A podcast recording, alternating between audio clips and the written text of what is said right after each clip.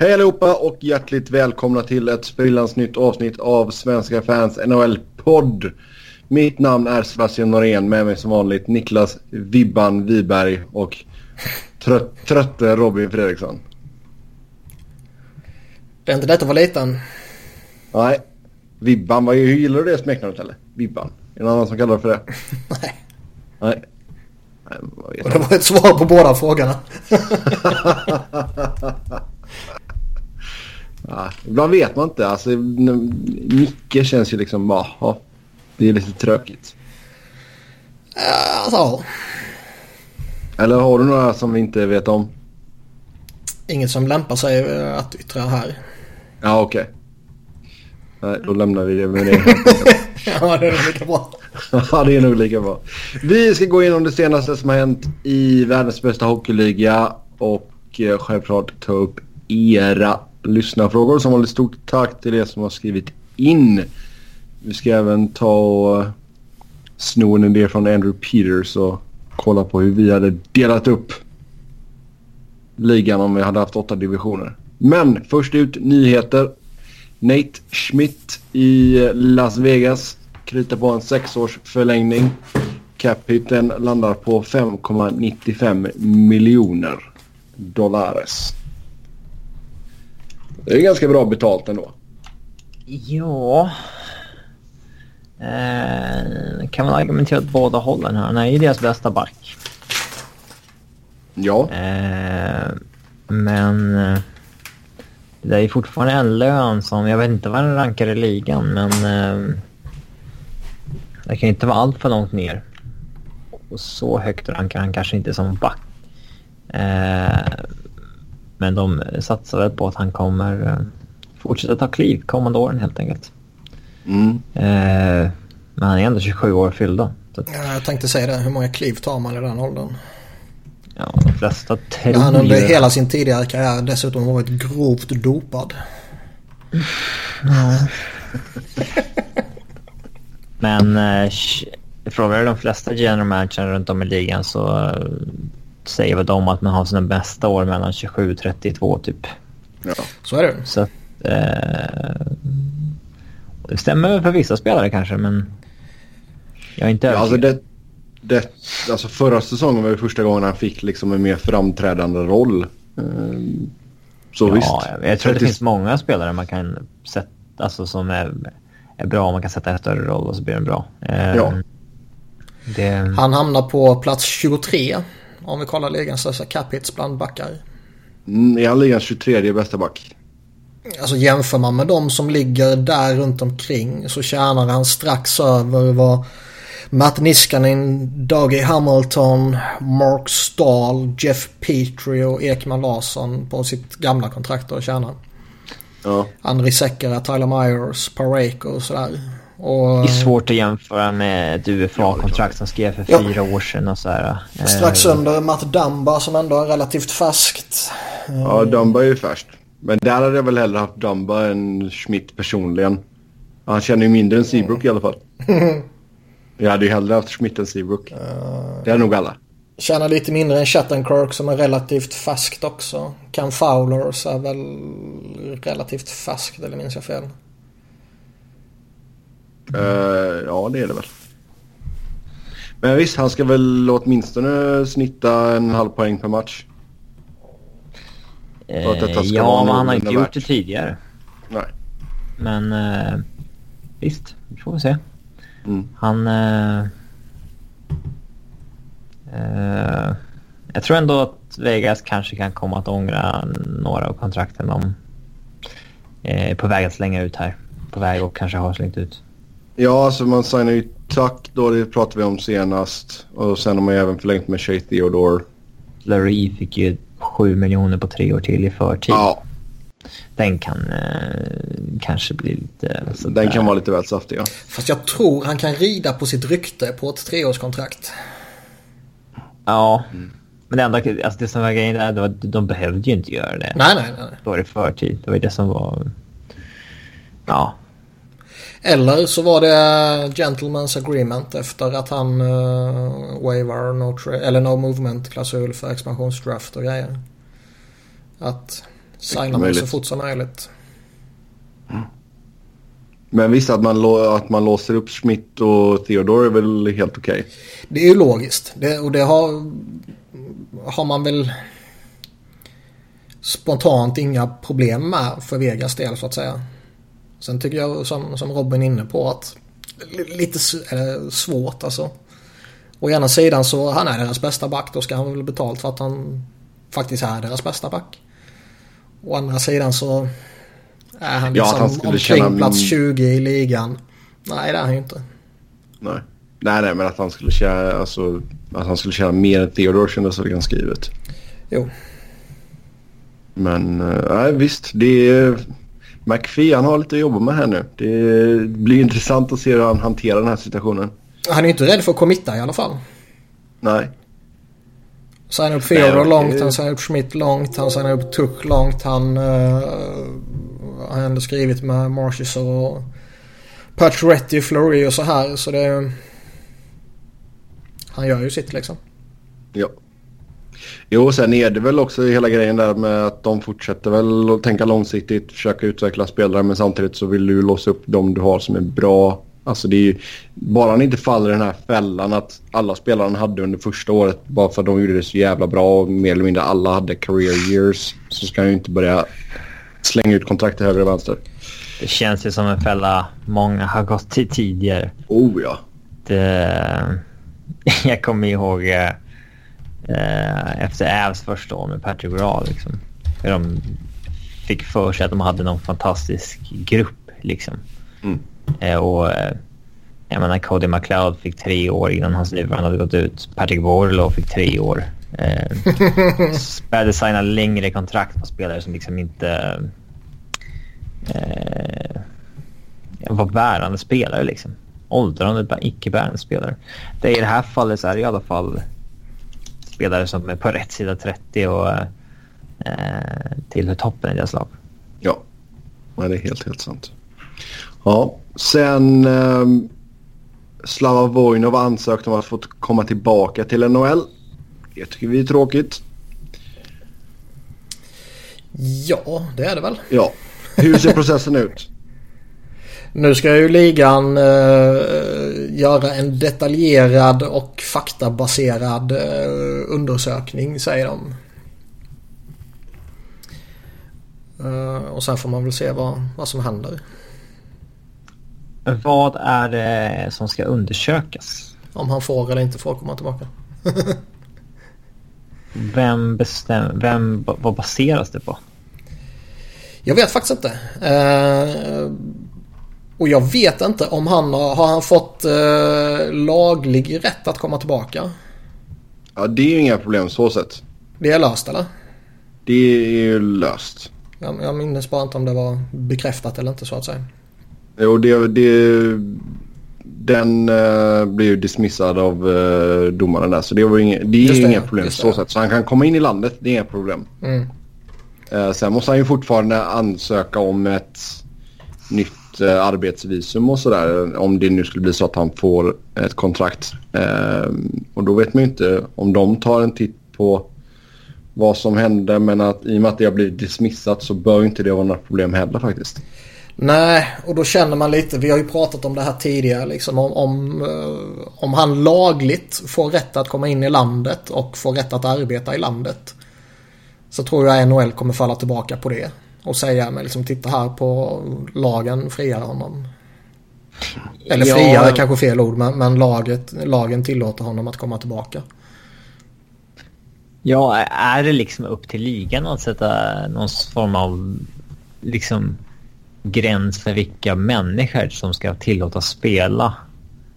Alltså... Jag vet Det känns som väldigt tunn is liksom. Vad... Jag vet inte hur man ska hantera det riktigt. Nej, och eh, man har ju läst lite att om de skulle ha en, eh, en policy för hur liksom domestic abuse ska hanteras och allt sånt här så så skulle det underlätta i ett sånt här läge och det skulle underlätta när eh, när andra situationer uppstår. Vi såg här med Austin Watson och sådana här liksom.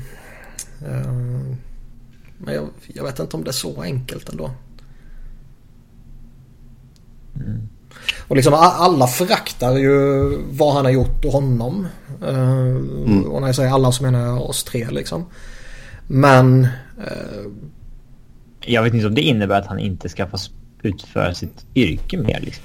Nej, jag, jag, jag håller med. Alltså är det upp till... Han hade ju fortfarande fått jobba som... Uh, ja, inte vet jag. Alltså revisor, revisor om han hade varit mm. det. Vart drar man gränsen för...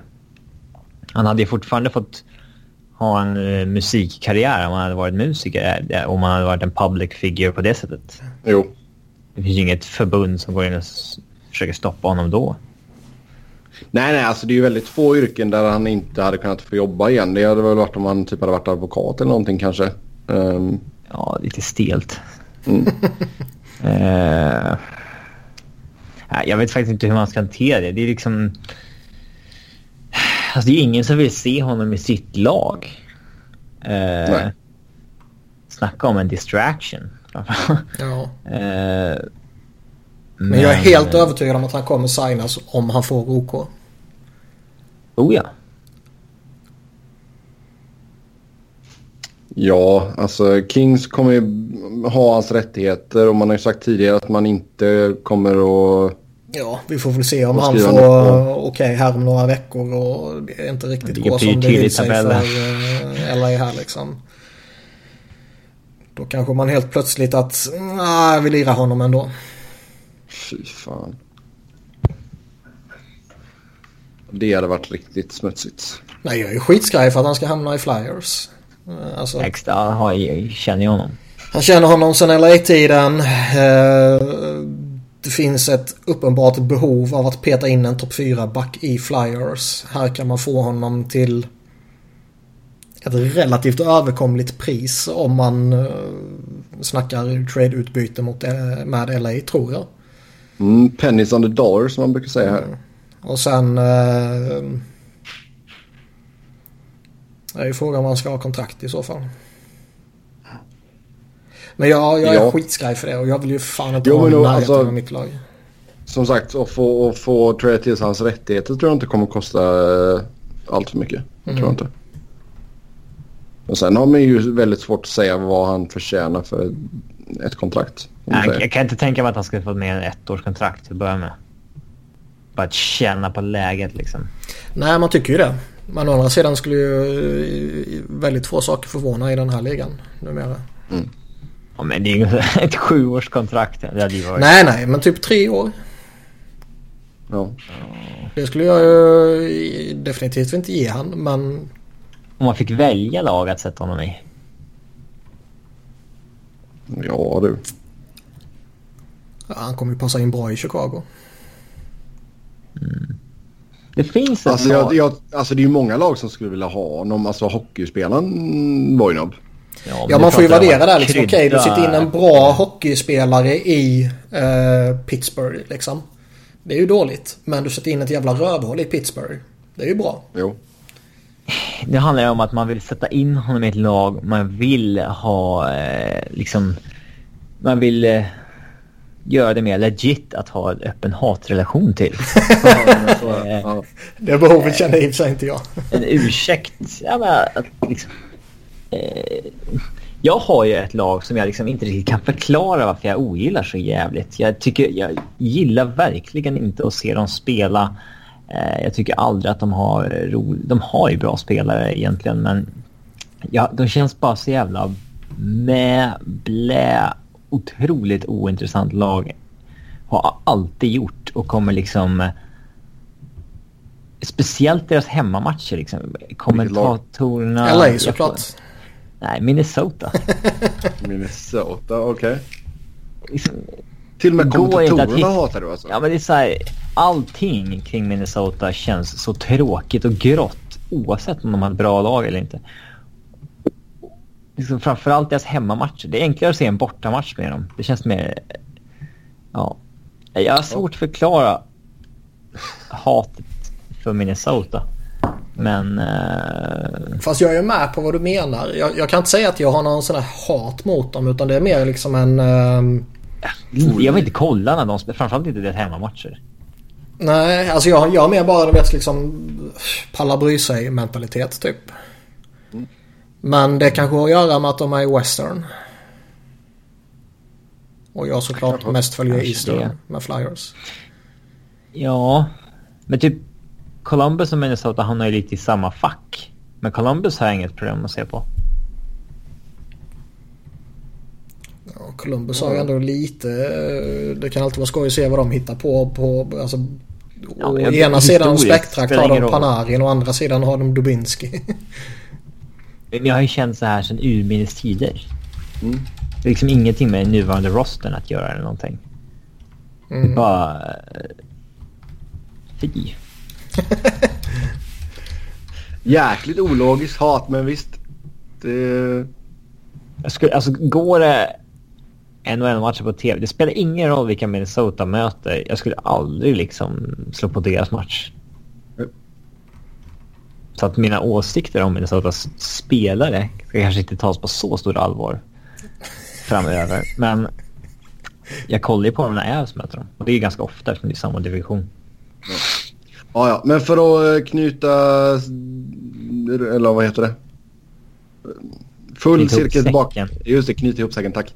Eh, på Vojen där. Så eh, man kommer göra en investigation och sen så kommer Gary Bettman att ta ställning till eh, hans eh, ansökan om reinstatement. Så helt enkelt vi får avvakta och se vad som händer. Det kommer ju eh, lösa sig. Ja. Vi får se. Vi får se. Ja, jag är helt övertygad om det.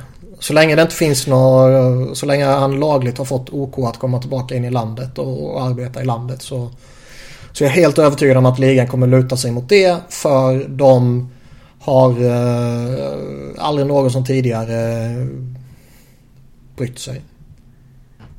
Det som ja. kanske i och för sig eh, talar för att de verkligen sätter ner foten här är ju för att de sägs ju ha blivit skogstokiga på eh, när den här oberoende arbitraren eh, drog ner på Watsons straff.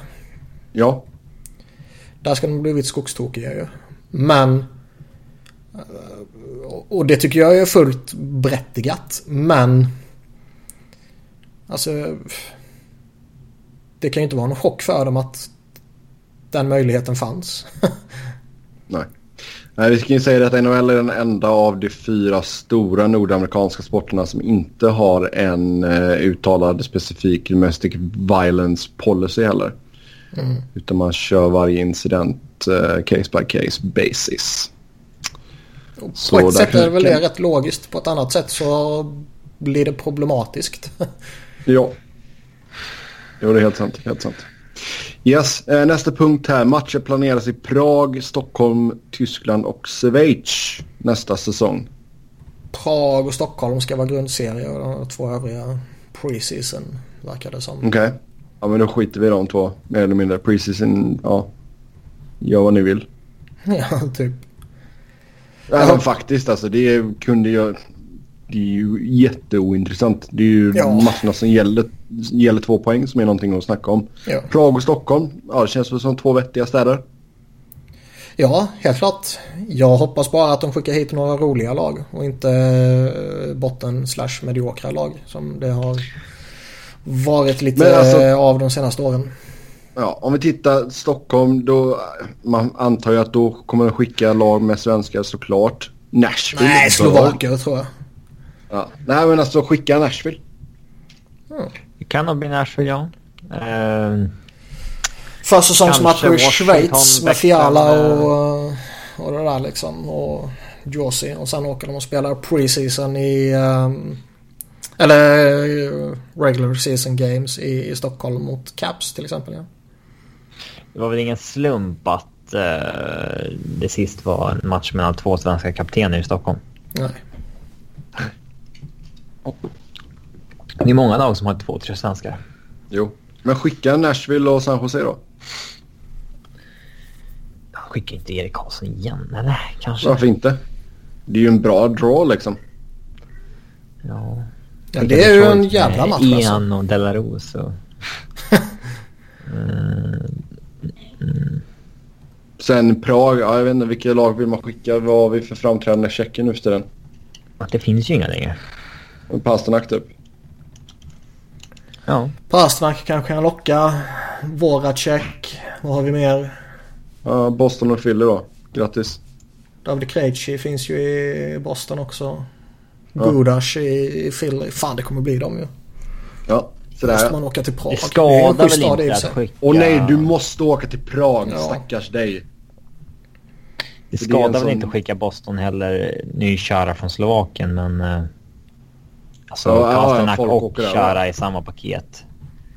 Eh, den... eh, Den lockar ju. Ja. ja, men då har vi gjort en NHLs jobb här. Perfekt. Nashville mot San Jose, dubbelmöte i Stockholm och så Philly, Boston då. I eh, Prag. Varsågoda. Men det, alltså det är Ja. spontant. Det känns ju som två bra matchups i alla fall. Fylleresa till Prag får jag väl gå med på. Ja. Finns nog sämre resor man kan göra. Oh, ja. Och sen som sagt försäsongsmatchen i Tyskland och Schweiz. Ja, eh, whatever. Men, men det är liksom... Fan, skicka hit riktiga jävla lag. Och, och det är som... NHL har ju typ inga dåliga lag längre. Ju, Nej, men du fattar vad jag menar. Det finns ju mer, mer eller mindre bra. Uh, målfoto. Jo, jo. Men eh, sen var det ju som Alan Walsh eh, skrev också, den eh, frispråkiga agenten. Att eh, ja, ni kan lägga matcher i Europa men om ni ska eh, liksom låta eller försöka låta Spotten växa så räcker det ju inte bara att slänga dit några matcher. Eh, liksom en eller två matcher. Utan man måste göra ännu mer än så ju. Och man undrar ju om de kommer fatta det eller om de bara nöjer sig med att vi skickar dit två lag, vi spelar några, någon träningsmatch, vi spelar någon grundseriematch och sen åker vi hem och allt är frid och fröjd.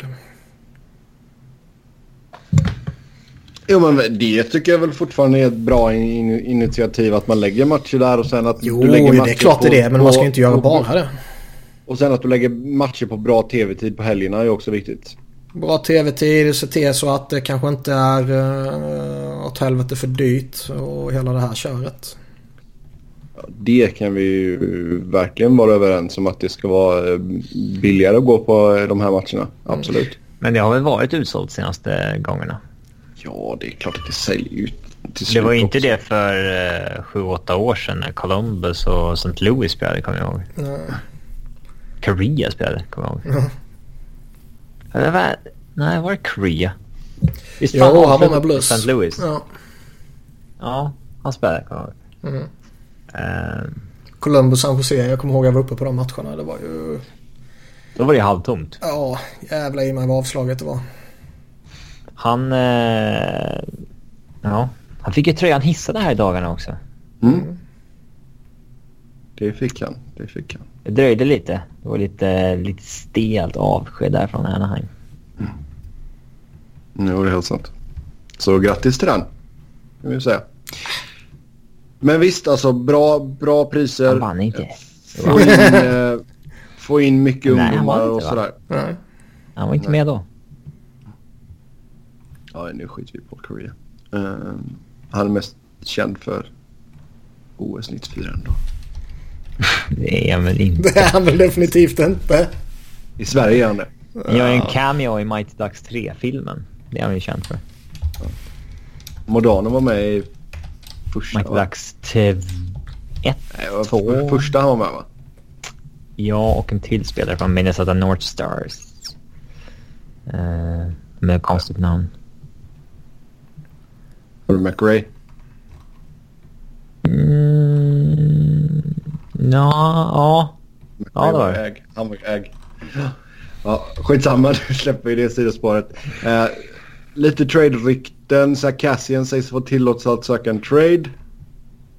Ja, vem vill ha Sarkassian? Det är den stora frågan. Han kan väl ingå i någon trade ja, för positional need eller någonting. Men jag har svårt att säga att en spelare som någon går efter. Man vet aldrig. Jag kan ju se att om han är på marknaden att eh, här får vi en stor tung winger som eh, kan göra någon form av nytta liksom. Den jävlen går vi efter. Kommer du ihåg hypad han var en gång i tiden? Jajamän. När Canucks tradade bort Cody Hodgson för Cassian. Mm. Han gick ju inte så som 13 overall. 2009. Canucks dumförklarade så in i helvete. Cody Hodgson gör inte så mycket idag. Eh, Han slutade väl till och med. Mm. Mm. Ja. Så vi får se vad som händer fötter där. Vladislav Namestnikov ska vara tillgänglig i Rangers och det ryktas även lite om Kevin Hayes och Mats Zuccarello. De borde ju vara tillgängliga. Kan man tycka. Eh, med tanke på att Rangers är där de är och de... Det borde inte vara någon spelare som är eh, inte tillgänglig så att säga. För att... Eh, ja, de borde öppna för samtal med, med allihop. Det förvånar mig att det inte pratas något om Kevin Shattenkirk heller. Eller gör det bara att jag missar det? Nej, det enda som pratas om honom det är väl att han uh, petas. Mm, han har gått och blivit riktigt dålig. Då, det är inte det. Men har nej, alltså... Trade-rykten har jag inte sett något eh, om honom. Utan enda stället det pratas om honom det är väl här. Vi får skaka igång något rykte här nu. Ja. Nej men... Det intressanta med Rangers är ju inte att... När... Eller är liksom, det intressanta är ju när man ska göra det, inte om man ska göra det. Nej. Ska man liksom... Fan, ska man lika gärna göra det så fort det bara går? Eller ska man... Får man mer betalt framåt deadline?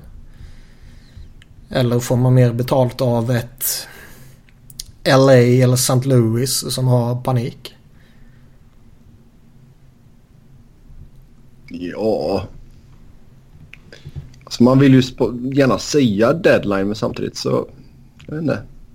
Jag tycker Liksom, deadline har vad- blivit trökigare och trökigare. Ja, och vad kommer... eh, vad säger man? Vad kommer liksom... Vad kommer förändras i Rangers i att sälja av skiten relativt omgående eller vänta till deadline? De kommer rimligtvis ha en sämre draftposition Jo. om de avvaktar. Å andra sidan så vet vi ju att det kanske inte bara är positivt att, att vara skräp och skit och, och liksom inte kunna resa sig upp i det. Så det är en, en svår balansgång. Ja, på det sättet kanske det är bättre att de avvaktar lite framåt deadline. Alltså Brooks hade ju skrivit något om att de, de borde skynda på sin, sin försäljning så att säga.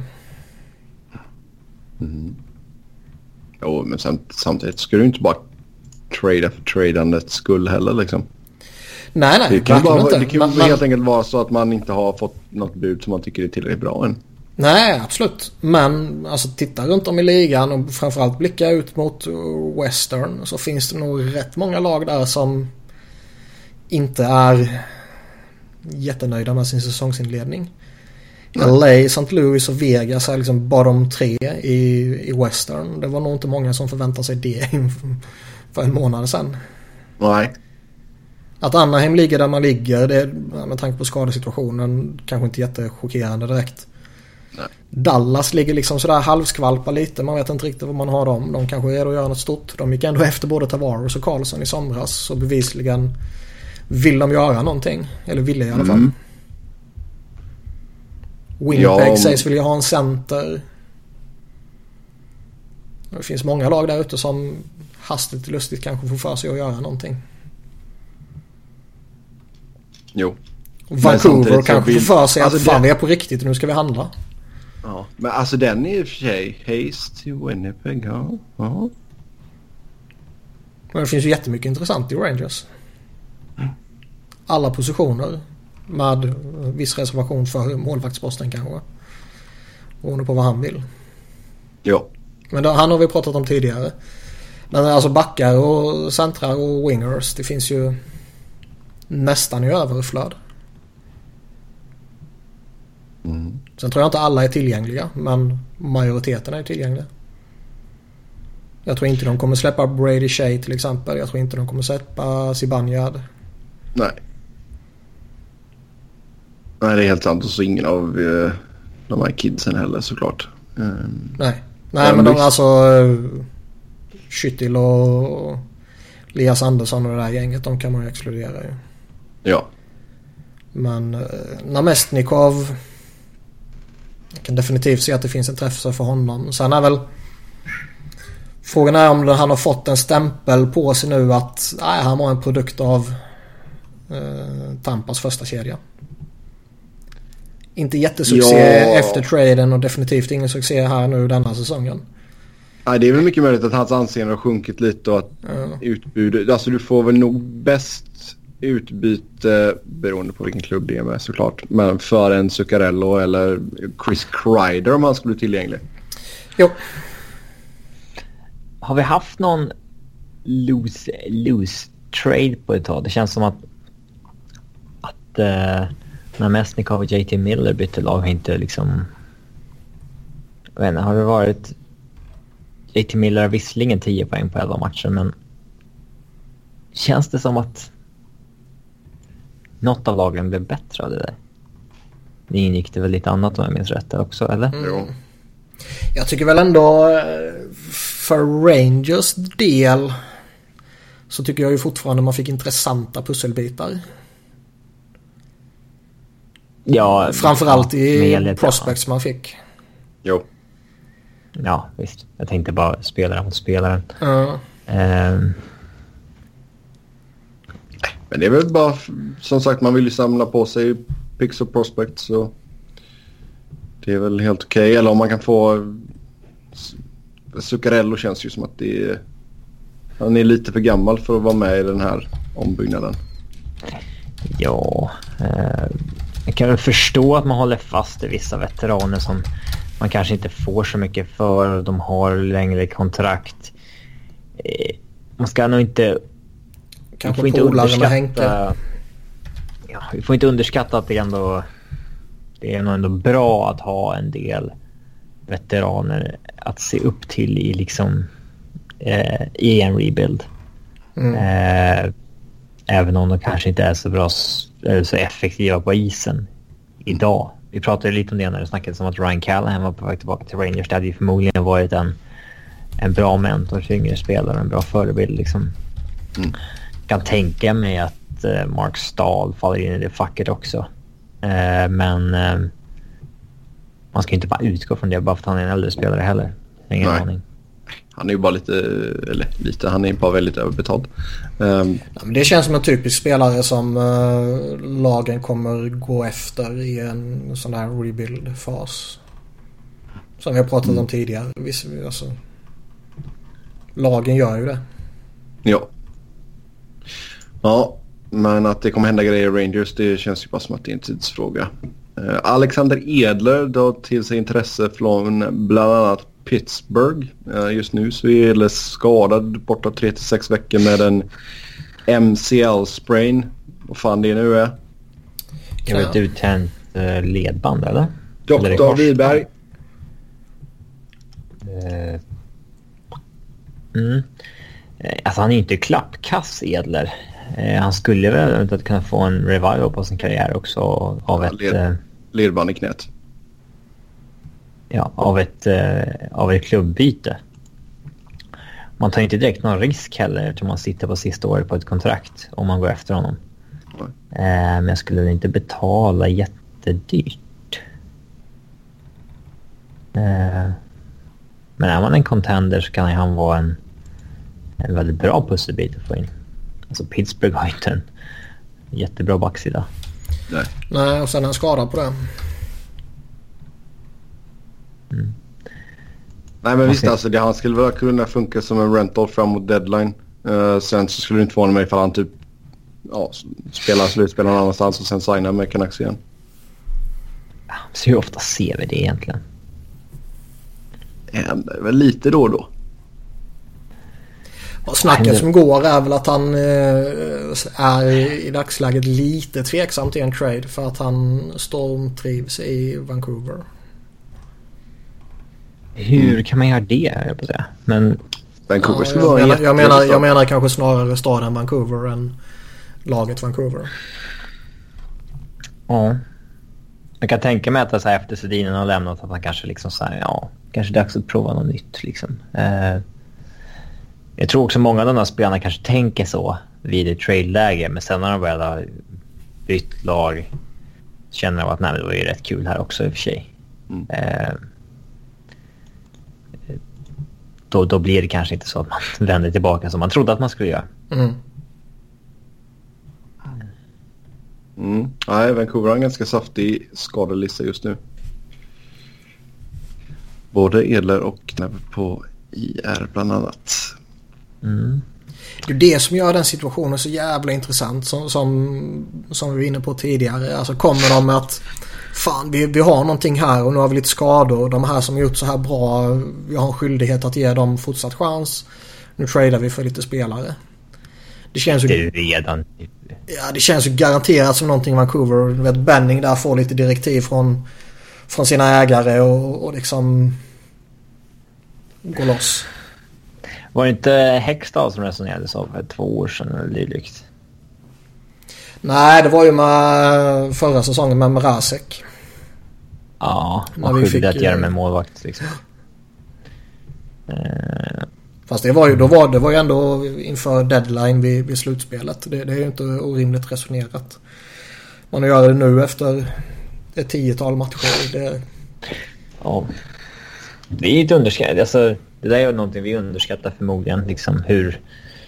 Man måste ändå visa sin spelartrupp att man, eh, att man försöker vinna liksom. ja, ja. Eh, att vara i ett fullskaligt tank mode, det, det skapar nog inte en bra kultur och miljö. Nej, herregud. Det kan nog Ryan O'Reilly vittna om. Och eh, ja, det var inte så jätteglada miner i St. Louis i fjol när de skeppade Paul Stastny utan att ta in en ersättare. Nej, det har du helt rätt När, de- i. när de låg och dinglade vid strecket. Mm. Yes. Eh, En annan back som folk ska vara sugna på det är Nick Leddy. Mm. Han är lite intressant ändå tycker jag. Hur gammal blir nu? 27. Ytterligare Bara? tre år kvar på 5,5. Det är inte är kattskit direkt. 27 i tre år till. ja, exakt. Uh, är han bara 27? Mm. Shit, alltså. Fyller 28 i mars. Jag fyller 28 om 12 dagar. oh, Sådär ja. Du kommer vara 18 i 10 år till. exakt. Nej, men jag tycker fan, han är lite sån där smygintressant tycker jag. Smygung kan vi bekräfta också. Ja, det också. Har, har varit med Nej, men- länge. Men han har ändå varit stabil i Islanders tycker jag. Han ligger där kring 40-talet poäng flera år i rad. Och, eh, 10 baljer. Det är alltid bra. Om eh, Ja. Islanders är villiga att släppa honom, vilket... Jag ha 10 år kvar i honom? Ja, alltså, va- varför Kanske skulle inte. de Men, ja. vara intresserade av att släppa honom? Frågar man ju sig. Med tanke på att de i mitt tycke inte har en överjävlig backsida på plats direkt. Johnny Boychuk ser ju ut att vara gammal. Ja. Och Han är nog- 34. Ja, och nog för att de har några intressanta prospects på uppgång. Men det är väl ingen som går in och, och tar en backbesättning sådär nästa år. Även om jag tror att Noah Dobson är en, en fin eh, kommande toppback för dem. Men det känns som att fan vad ska de släppa Nick Leddy för? Å andra sidan så titta på vad Uncle Lou har gjort där hittills så får man ju inte något jätteförtroende för, för Islanders direkt. Leddy Ja. mot Seabrook. Man måste ju ändå se någon form av logik i en sån trade. Jag, vet, jag kan inte... Jag vet inte vad det skulle vara. Ja, man får något bättre tillbaka såklart. Men... eh, Mm. Ja. Som sagt. Mm. Ja, intressant. Och efter ett Man paket kan med ju Nick få Leddy en och ruskigt Ho bra- Sang. Man kan ju få en ruskigt bra forward för en bra back. Det har vi sett. Oh, ja. Oh, ja. Så att... eh, det är kanske är planen. Jag vet inte. Nej, men Leddy är ju definitivt en back jag skulle kunna tänka mig att gå vidare. Eller gå vidare, gå efter. ja. Ja. Och du får ju en bättre forward än vad det är för en back liksom, i samma värde. Jo. Eh, Mm. Helt, helt sant. Sergej Bobrovski ska vara missnöjd i Columbus och sägs ha lämnat in en lista med lag han accepterar en trade till. Och Jag är ju han som sagt inne på sist... Vad sa du, sa du? Han har varit klappkass. Han har inte varit bra, nej. va, han har ju ett kontrakt som går ut. Vad är det som är så bråttom i så fall? Vet inte. Vad... Det är inte så lätt att få till en målvaktstrade under säsong för en målvakt som kostar 8 millar. 7,4. Mm. Frågan är ju det laget som det känns som att man kan ringa till. Kings. Ja. Ja. Och de har ju faktiskt varit öppna för att ta in en stor målvakt tidigare. För Ja. att säkra upp när de plockade in Bishop. Ja. Och det känns ju som att vi, vi kommer väl till quick skada så småningom. Men Ja. en... en Okej. eh, Det kan vi nämna nu. Han är borta på obestämd tid efter en eh, operation i sitt knä. ja, och jag läste någonting om att man kanske förväntar sig att det kan vara majoriteten av säsongen. Vilket ju också innebär att... Ska Budaj göra det igen? Alltså grejen är att jag, jag läste också någonting att... Budaj och Soup. Att, att ti- tittar man på de senaste åren och, och Quicks räddningsprocent. Och tittar på räddningsprocenten för målvakterna som han har spelat med. Så är skillnaden i princip obefintlig. Ja. Så frågan är ju... Vi i den här podden vet ju att Quick är en högst medioker målvakt. Ja. Eh, Men... Avslöjade vi för många år sedan. Oh ja, oh ja, oh ja. Men... Och liksom visst, nu fattar även om vi är kritiska till honom så fattar ju även vi att, att LA har en annan trygghet med honom i kassan än Peter Bodaj. Även om siffrorna är likvärdiga. Och som jag varit inne på tidigare, det är, det är, en, det är en sak att, va- att vara van att spela 60 matcher. Än slänga in en Peter Budaj 60 matcher nu. Ja, det är klart. Jo, ja, han har ju högt anseende i klubben efter, sin, liksom, efter Stanley Cup-vinsten och allt sånt där också. Men visst, det är klart att jag hellre hade haft Bobrovski än Quick. Det är ju dundergivet. Men du tar ju inte in Bobrovski som bara en rental i mitt tycke. För jag tror ändå att han kommer kosta en hel del även fast han sitter på utgående kontrakt. Absolut. Men säg så här. Om Kings skulle varit en bona fide contender. Ja. Då skulle jag ha gått efter Bobrovski. Men det är, där är man ju verkligen inte. Nej. Och då känns det som du är inne på att fan då kommer priset bli för högt. Bara för att kanske, kanske skaka sig in till slutspel. Alltså jag ser ju... Alltså jag hade ju inte haft några problem med att skicka Quick Nej men det gör de ju inte. som en del för att få Bobrovski. Nej men det gör, det, det gör de ju inte. Ja, det, vi spelar inte tv-spel. Nej. Nej jag vet, jag vet. Och det, det vore ju faktiskt jävligt o... Eller visst nu kanske Columbus är en... eh, en speciell situation här med tanke på att de kommer tappa han för ingenting till sommaren. Men... Att gå efter Quick idag. Eh, med den skadehistoriken han numera faktiskt har. 32 år gammal. Fortfarande rätt många år kvar på det kontraktet. Det är fan oansvarigt alltså. Kekelainen, kom igen, do it. Do it. Hans anseende är fan Det är ju fortfarande högt alltså. Ja. Det hade ju varit mitt drömscenario i alla fall. Såklart. Få in Bobrovski, se till att han börjar spela bra igen, signa nytt. Och Det väck är med en Quick. chansning där också. Ja, det är klart. Du har alltså på typ en vecka har du svängt från att skicka Gud till att skicka han åt helvete?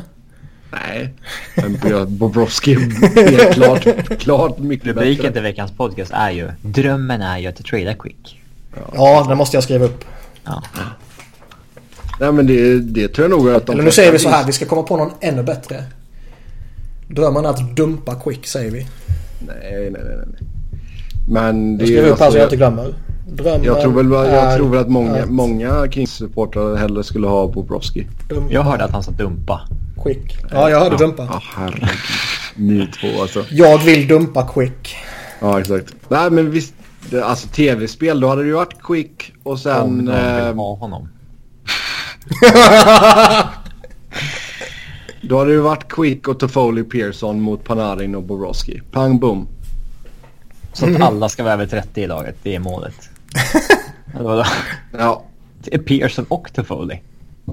Pearson och Toffoli mot Panarin. Det hade ju tagit alla dagar i veckan. Ja, men man får väl ändå... Det hade jag ju gjort. Sen visst, det är klart att du kanske kan få Toffoli eller köp Toffoli eller Pearson och sen... Ja. Prospectpoolen är ju inte jättebra. Men visst, något prospect och något pick liksom. Ja, det hade också varit en jäkla chansning att gå efter Bobrovski med utgående kontrakt. När man är dåliga just nu liksom. Ja.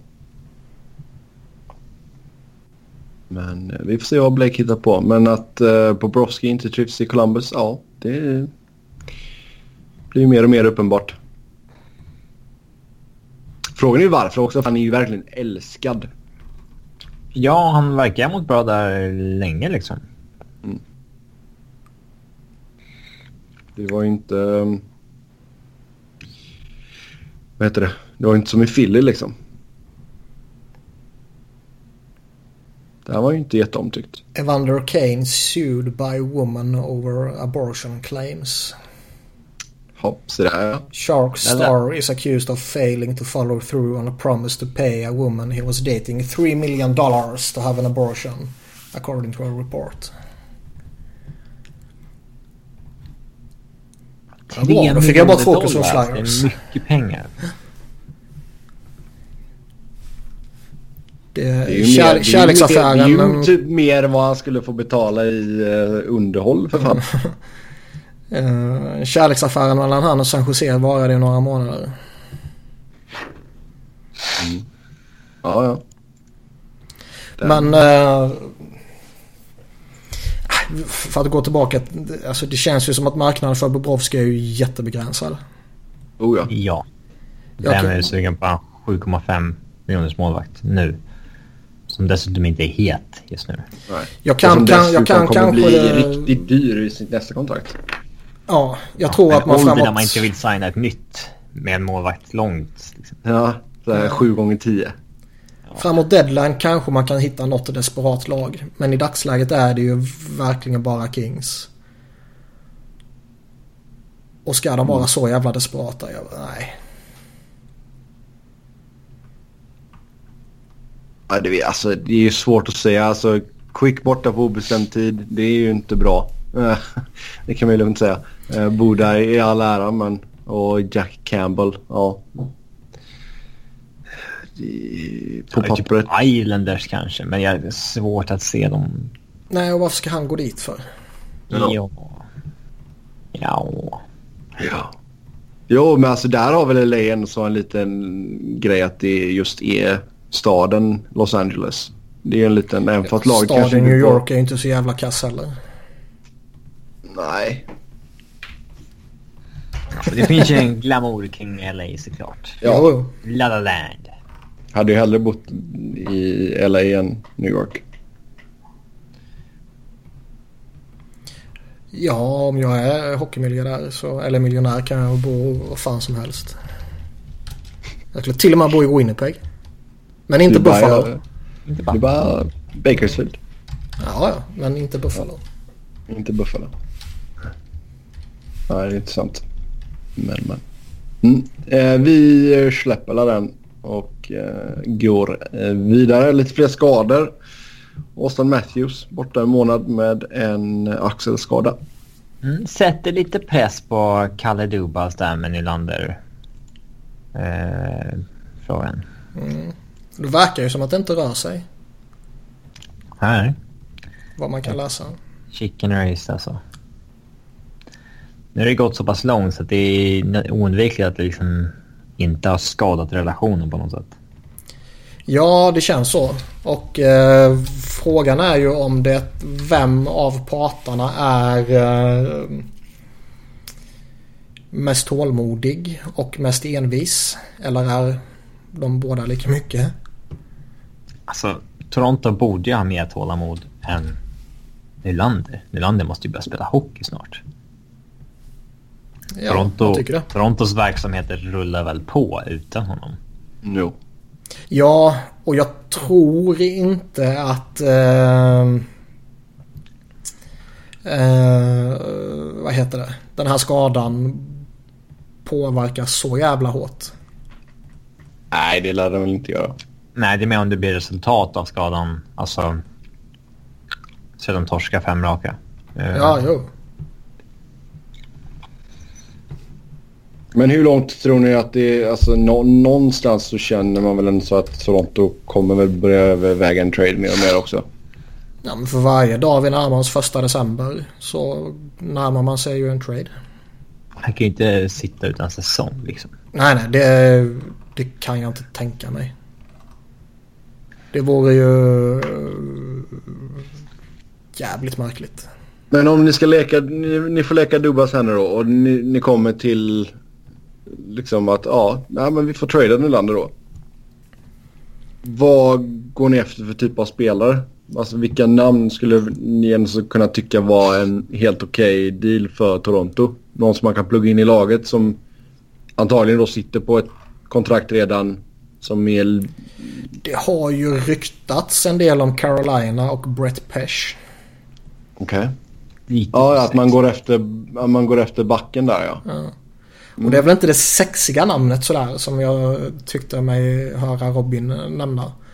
Nej. Men eh, det är en jävligt kompetent back. Frågan är hur det skulle tas emot då. Jag tror att skick- skickar man honom nu efter all det här så känns det att kommer man inte förvänta sig, när jag menar man, typ supportrarna då. Jo. Kommer man då inte förvänta sig ett jävligt stort namn? Jo.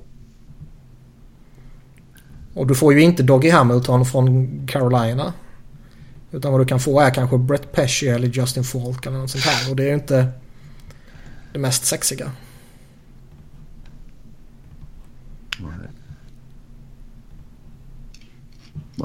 Men det, det är ju ett rykte som, det, eh, som cirkulerar.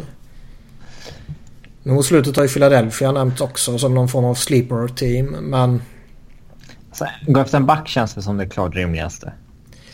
Ja, eller känner de att eh, vi ska boosta upp våran offensiv utav helvete och ska vinna på den. Så att de byter winger mot winger. Alltså... En, en trade som hade varit intressant. Det är att om de går efter en right-winger. Eller ja, left-winger. Eh, som har ett längre kontrakt. Som är i den prisklassen de vill ha. Men som kanske är snäppet sämre än Nylander. Typ one for one med Viktor Arvidsson som sitter på 4,25 i sex år till. Mm. Och Nashville känner att ja, men här får vi lite mer spets. Vi vågar göra det. Pang bom. Eh, Poyle har gjort det förut. Subban mot Webber. Neil mot Hörnqvist. Eh, nå, någon sån trade kan väl ske. Men jag tror snarare på backdealen i så fall. Jag skulle göra en backtrade om jag var dem. För jag tycker, tittar man på laget så... Där finns det ett hål man behöver plugga igen. Om man ska vara en contender fullt ut. Men alltså hur stort namn behöver det vara? Skulle en Jakob Truba vara tillräckligt stort? Jag tror inte du får Jakob Truba för Mick, eh, William Nylander. Jag tror inte William Nylander räcker till.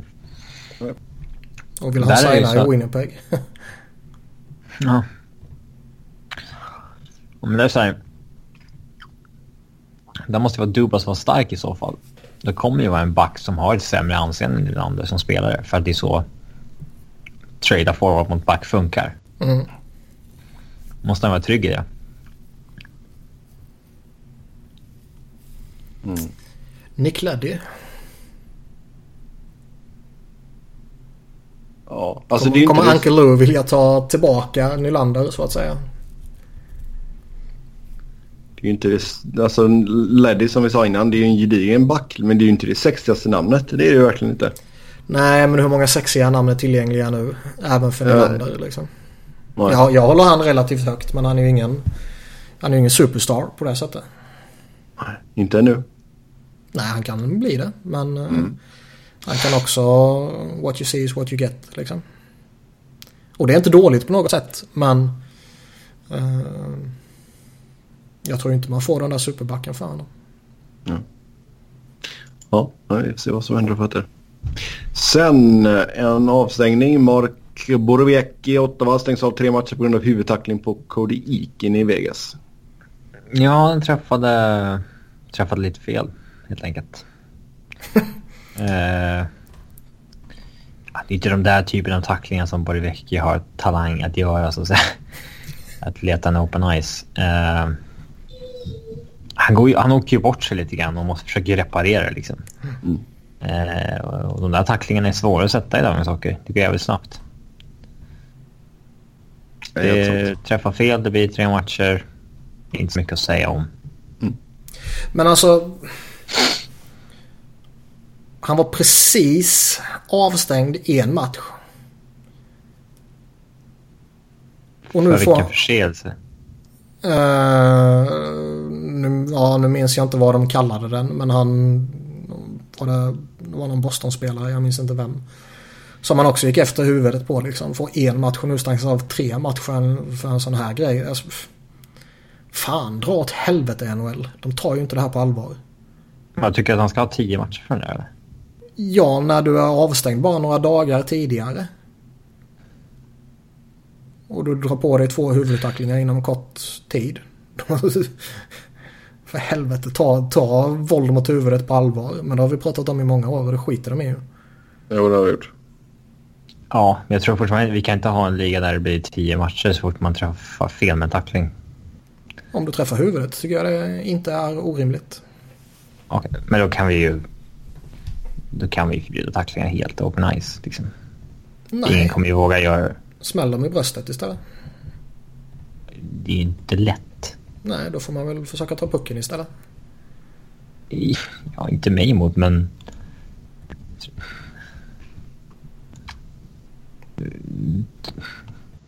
Då, då kan vi lika gärna förbjuda det. Ja, nej men alltså vi nämnde ju det faktiskt förra veckan lite sådär bara i förbifarten att nu förespråkar jag inte alls att man ska förbjuda tacklingar, det är inte det jag vill. Men jag tycker man kan göra en argumentation för det. Ja. Ingen debatt du hade drivit för fem år sedan. Jag säger. Nej. Men nu är jag äldre och klokare. Eh, vi går vidare från den. Gary Bettman avslog Tom Wilsons överklagan. Så hans eh, avstängning står fast i alla fall. Eh, ja, och nu ska han ju överklaga till nästa instans och vi får se vad som händer där. Varför finns det så jävla många instanser att gå till? Framförallt så är det ju konstigt att den första överklagan går till, till Bettman. Vad ska, varför skulle han säga något annat än de han anställd för att vara expert? Exakt. Exakt. Men det intressanta här är ju att det här jävla mötet de hade mellan NHL i form av Bettman och Wilson, hans representanter. Ska ha tagit sju timmar och ska varit jävligt fientligt enligt rykten. Och sen så... Fan säger i sju timmar? Ja, jag vet inte. Men sen i... eh, i Världens ehm, längsta powerpoint-presentation. när han presenterade det här så var det ju typ 30 sidor utlägg som Bettman hade. Ja, det där... Och saker som kom ut det här liksom att, att, att eh, NHLPA då argumenterar för att att det här ska inte vara avstängning överhuvudtaget och det här är inte så farligt och det här är, eh, han är ingen headhunter. Han är ingen ful spelare. Bara liksom Visst, ni har en skyldighet mot Tom Wilson men har ni inte någon jävla skyldighet mot Oskar Sundqvist som också är NHLPA-representant liksom?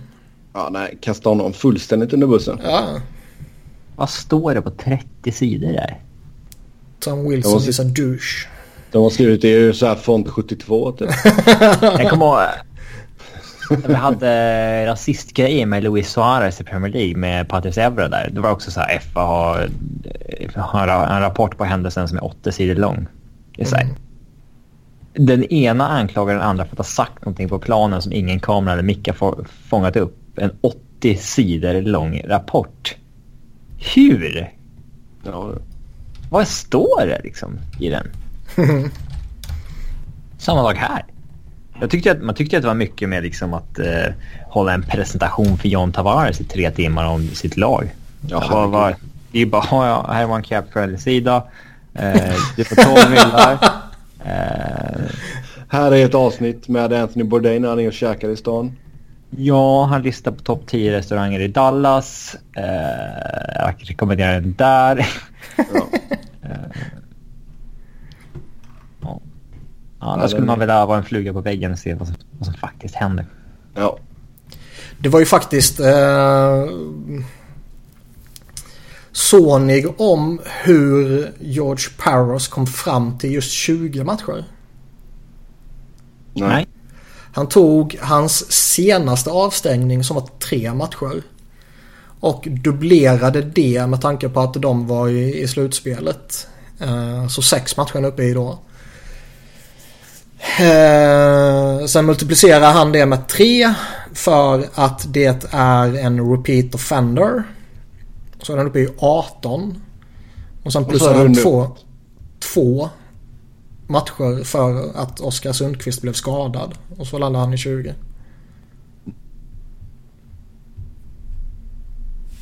Ja, vad, vem har bestämt att man multiplicerar med tre om det är repeat offender? Ingen någon- aning. Jag har inte hört. Jag kanske har missat det tidigare men jag har aldrig hört den processen tidigare. Och jag menar om de bestämt sig för att är det en repeat offender så får du multiplicerat med tre. Och kolla på Borowiecki så ett gånger tre är tre. Som han fick nu. Det stämmer. Sen är ju frågan, alltså de plussar på två matcher. Så att det kommer upp från 18 till 20. För Sundqvists skador. När tidigare har det varit jävligt mycket fokus på blir han skadad eller blir han inte skadad. Alltså att en skada är jävligt betydelsefull tidigare i alla fall. Men nu verkar ju så inte vara fallet. Om det är 20 matcher. Eller om det är två av 20 matcher. Det håller jag dock med om. Det ska inte vara den största faktorn i... Nej, jag med. Men, men det var ju så tidigare. Vi hade ju inte haft någon avstängning alls på Mike Madison om inte Elias Pettersson hade blivit skadad. Det kan man ju Oh ja. 100% säga.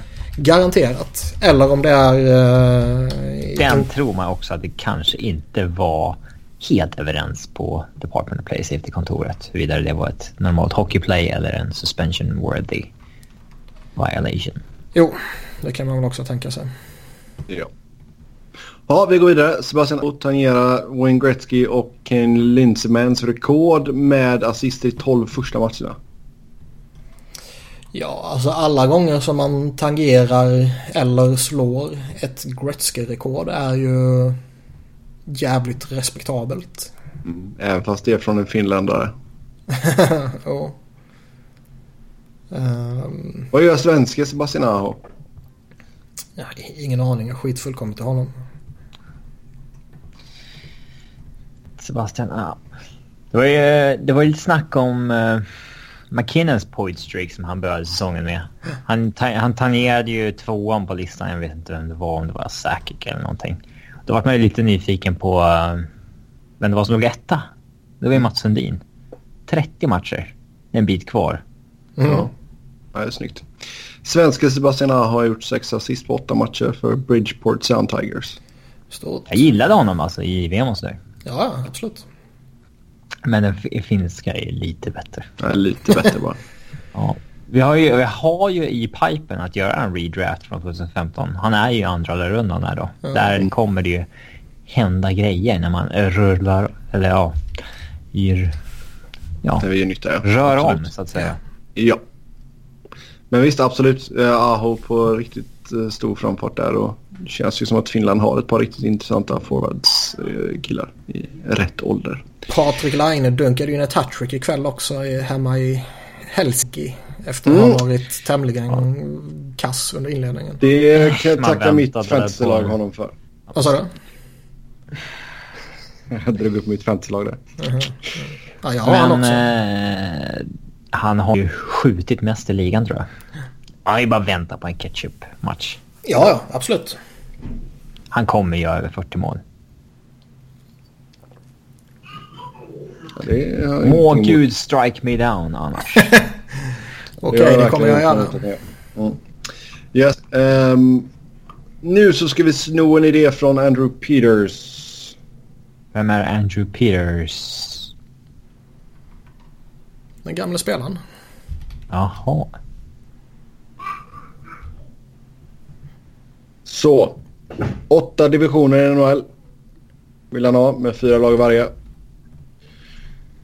Toronto, Ottawa, Montreal, Boston igen. Sen Detroit, Columbus, Buffalo, Pittsburgh. Rangers, Islanders, Ja, Devils, Philly igen. Tampa Bay, Florida, Washington, Carolina igen. Och sen i West. Winnipeg, Chicago, St. Louis, Minnesota. Vancouver, Calgary, Edmonton och Seattle.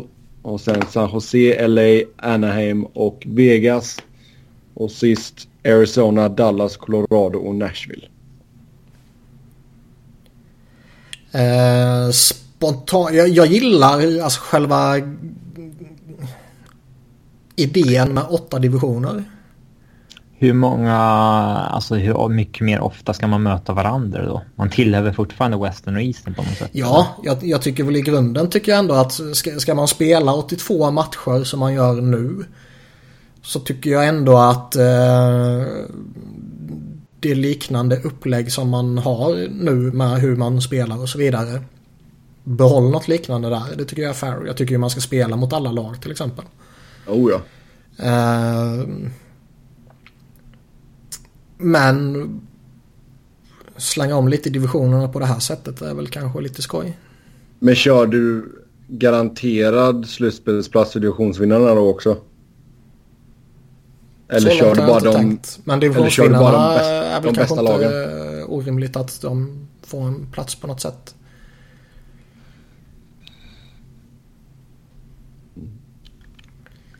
Men det spontana intrycken här är ju att varför särar man på Pittsburgh och Philadelphia och varför eh, ger man Nashville en riktig jävla pissdivision. Och då menar jag geografiskt. Ja, geografiskt vänder det inte snabbt. Vad sa du? Geografiskt så vänder det inte, kan det inte vända snabbt. Eh, Nej, nej, nej, nej, nej. Jag menar inte... Men det är de lagen som ligger liksom mitt i landet på något vis. Jo. Alltså liksom utspritt och inte tillhör någon region på så vis. Eh, rent geografiskt borde väl Nashville vara i en division med Carolina, Tampa och Florida. Nej, men du skulle ju kunna byta Buffalo mot Pittsburgh till exempel. Eller Buffalo mot Phila- Philadelphia menar jag. Så att du fortfarande har Philly och Pittsburgh ihop. ja, Ja, sen ska väl... Eh, alltså, Washington ska väl vara antingen med i New York-lagen eller Pennsylvania-lagen. jo, jag håller med. Eh, mm. Och det går alltid att hålla på och trixa och ha, ha, sig men... Det... ah, Jag, inte, jag säger varken bu eller bä. Om något så tycker jag bara att det hade varit lite konstigt att ge alla divisionssegrarna slutspelsplats. Jag ser ju hellre att det bara är de bästa lagen som går till slutspel poängmässigt sett. Alltså ska divisionerna ha något jävla syfte så behöver man kanske ha en sån grej. Jo, Ja, man kan ju inte möta en, vissa lag fler gånger. Sen spelar de matcherna inte mer roll. Nej. Eh. Alltså det är mest att jag inte gillar slutspelsupplägget som det är just nu. Ja, det här med vildkort är inte bra. Eh, Plus att Central alltid är så jävla svår att gå vidare i. Ja.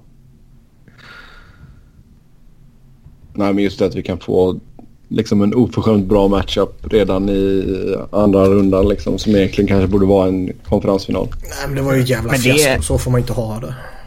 Men det kommer vi ju få oavsett. Alltså, så pass många lag är ju så pass bra i år. Eller i år, allmänt nu. Eh, och det är så pass jämnt att du kan ju få vilken matchup som helst. Utöver, det kan ju bara skilja 10 poäng mellan den som vinner och den som kommer på ett vildkort.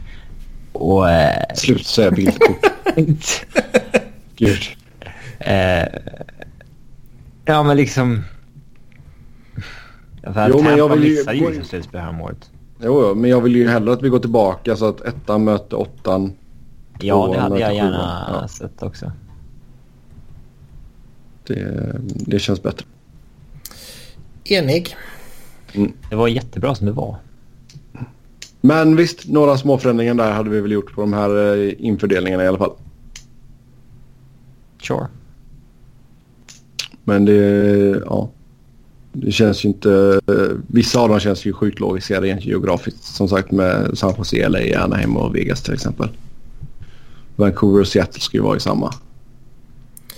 Ja, å ena sidan så Men det- lockas man lite av att peka in Winnipeg med eh, de tre lagen på västkusten. Men ska man ha Seattle så då måste de upp där ju. Sen lottar man divisionen varje år. Det kan Ja, bli liksom Vegas, Philly, Vancouver, Tampa. Herregud. Varför inte? Dödens grupp i år. Ja, men alltså, ska, ska, man, ska man ha kvar det upplägget vi har nu med... Med... Vildkort. med eh,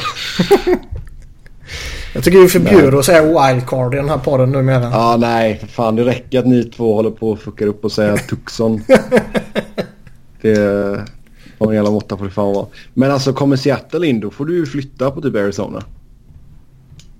Jag tror ingen protesterar förutom Arizona. Nej. Jag tror inte ens de protesterar själva. Men det är ju de eller Vegas i så fall som får byta till Central. Det är väl typ klart att vi får Seattle. Ja, ja, det känns ju grundgivet. Men det skulle ju kännas jävligt konstigt att sätta dem i Central. Ja, men det är ju så med ett nytt lag. De får ju ta den plats de får. Brukar det vara. Nej, där kan jag, jag, nog se att man... där, där eh, skjuter man sig själva i foten om du inte sätter dem i samma som eh, Vancouver. Ja, det kommer de ju nog propsa på och det kommer nog Vancouver propsa på också. Att de kommer få några extra flygmiles per år eller? Jag menar, om, no om något där så kan, kanske Arizona kan ha ett större case att stanna än Vegas. Man kan säga att men vi har varit här längre liksom. Sen vet jag inte exakt. eh, Jag ska inte upp en karta här. Ingen vill väl kliva in i Central i alla fall. Nej, det... det, det fan. Dödens division. Den är inte jätterolig. Um, men nej, det blir ju Arizona i så fall. Det är ju mest logiskt sett geografiskt. Ja. Så det visst. finns fan ingen slag på sig i Central. Alla lag har ju potential att vara bra kommande åren. Förutom Minnesota kanske. Usch. Det är många äldre spelare. Nej, jag håller med. Det är Ja. en uh, överjävlig division. Man tänker inte riktigt på att Minnesota ändå så är ganska mycket mitt i landet fast norrut då såklart. Ja. Geografi. Eh, roliga grejer. Ja. Vi går vidare. Svensk media börjar mer och mer om Grönborg och NHL. Hur ser vi på eh, detta och på Grönborg? Jag har ju snackat lite om det tidigare och det känns väl som att Usch nej. ett assistentjobb någonstans eller kanske ta collegelag eller någonting. Men Jag, jag har ju svårt att säga att han skulle kliva rätt in som huvudtränare någonstans. Det ska väl ske något sensationellt i så fall. Det är ju väldigt få som gör det. Eh, men visst, alltså, han har ju ett gott CV och har ju vad det verkar ett gott anseende. Eh, Fast vad han rent, rent krasst har han åstadkommit. Han har liksom vunnit två VM-guld med... han har varit förbundskapten för Sverige i jättemånga år och Jo. givit det. Det är klart att det räcker. Eh, jo, jo, jo, jo, jo, jag säger inte att det är ett dåligt CV. Jag säger bara att... inte Per Mårts assisterande någonstans? Hallå? Jag säger inte att det är ett dåligt CV. Jag säger bara liksom att vad har han egentligen åstadkommit? Det är liksom eh, två VM-guld med extremt stjärnfyllda lag. Du vinner ju inte VM utan stjärnfyllda lag. Nej, nej. Och bedriften han har gjort är ju att han har fått hem stjärnorna. Jag hade inte hållit ett OS-guld från låtsas-OS jättehögt heller. Nej. Och liksom när, när, han var klubblagstränare, vilket han har extremt liten erfarenhet av, har han inte åstadkommit ett skit. Och eh, jag skulle vara skitskraj för att plocka in han som headcoach. Jag ser inte hur det finns några argument överhuvudtaget för att ta in honom som headcoach. Och då snackar jag NHL. Men det, nej, det ska ju vara sensationellt om han ska glida in som headcoach bara sådär. Ja, Eh, utan han måste ju in som assisterande i NHL eller eventuell headcoach i AHL såklart. Uh, mm. Men han är ju en prime candidate, det, så är det ju liksom. Han, ja, han har ju bakgrunden i USA och uh, lång erfarenhet nu inom uh, svenska landslaget och förbundet. Uh, så att... ja, det vore intressant att se Sen säger ingenting om han liksom är assisterande någonstans. Eh, men det är så mycket headcoach över hans aura. det, är, det är svårt att se honom stå vid sidan av någon. Jo, men det är väl därför som jag tror att han skulle kunna, nog, kunna ta ett headcoaching jobb, jobb i typ alla de college. vi har nu skulle man ju kunna se stå bredvid någon. John Stevens stod ju bredvid, eh, satt länge och Eh, Hackstall känns lite blyg. Eh, Jared Bednar stod ju bredvid eh, Jim Playfair i hans psykbryt när han sliter av sig kostymen. Då är det ju Jared Bednar som är assisterande coachen bredvid honom. Som efter typ 30 sekunder in i psykbrytet kanske så lägger en hand på hans axel och bara hör du kanske ska lugna ner lite nu. Han står där och vevar klubborna mot sargkanten. Det är det. Fan, har man inte sett det klippet måste man ju youtuba fram det. Det är det roligaste som finns. Ja, alltså Jävla snedtändning. Vad gör han idag? Vad gör han idag? Jag vet inte. Han coachar väl fortfarande? Uh, ja. Men uh, ja. Jim Playfair. Han har... Han, är, han var i Arizona senast. Mm. Bra. Så du har träffat honom några gånger? Oh ja. Det var därför han blev så jävla förbannad. Ja. Helvete också. Kommer den jävla svensken. Mm. Nej men liksom Grönborg, jag, jag är fan inte hög på honom alltså. Vilket man Vilka kanske märker. Vilka är man hög på? Alltså som... Nej, men jag menar alltså... Det är de som haft ett, uh, vunnit fem år i rad i Ontario Hockey League. Men de har gjort det med ett jättebra lag som man själv inte känner till att de har varit jättebra automatiskt liksom. Det... Jo, vet, jag tycker också det, det först här mot slutet och då, det ska han väl i ha cred för. Där, där, det känns som att han mer... Eh, han kanske matchar tydligare istället för att bara låta alla snurra och allt sånt här. Vilket han gjorde tidigare. Men då har han väl kanske ändrat sig nu då och insett att hur fan man ska göra. Och som sagt han ska ha jätteberöm för att han har fått eh, stjärnorna till att vilja komma hem. Sen är han väl vad det verkar som inte ensam om det direkt utan Garpen har väl stort vad heter det, eh, en stor roll där. Mm. Men jag... Mm. Ribban var inte satt hög efter Mårts oh, och Bengan. Åh oh, nej, men det ska ändå övertygas. Det, ja. Absolut. Uh... Men jag tycker, nej. Ja, nej. Jag skulle verkligen inte vilja se han som min headcoach. Man har alltså det är många som, det är inte bara svensk media som nämner honom utan hans namn ploppar ju upp lite då och då ja, som, liksom, som den de kan se komma från Europa in i ja. NHL. Eh, den... Eh, den, Vilket eh, lag, om man bara bortser från eh, nuvarande coachsituation och, och sannolikhet för att det är just Grönborg och så vidare. Men vilket lag känns mest Europakompatibelt? Alltså, känns det... Jag vet, känns Toronto rimligt för att Carl Dubas är där lite ung, lite nytänk? Eller känns det orimligt att de skulle liksom slänga in Rickard Grönborg i hockeyns mecka bara sådär?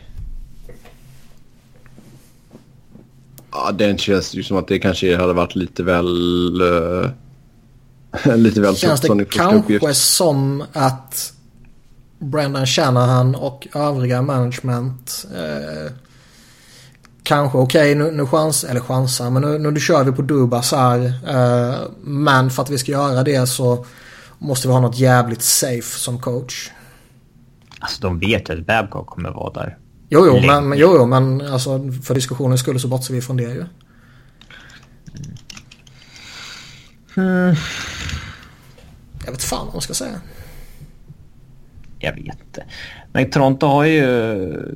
De har ju stått för lite nytänk.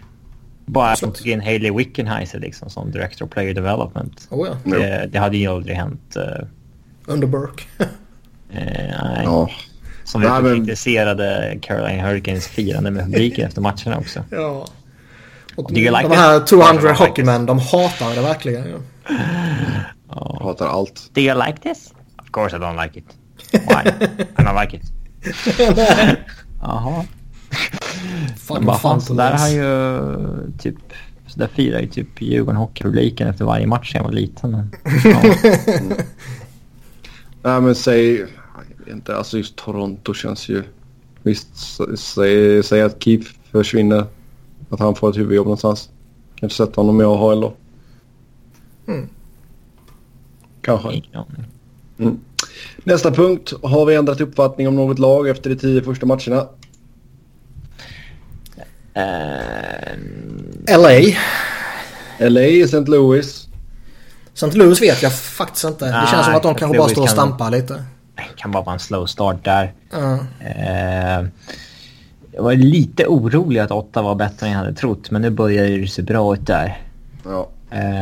Men Att fan, Florida de skulle har- vara så här dassiga. Ja, men Fast har ändå samtidigt så spelat rätt ju många matcher färre än vissa lag.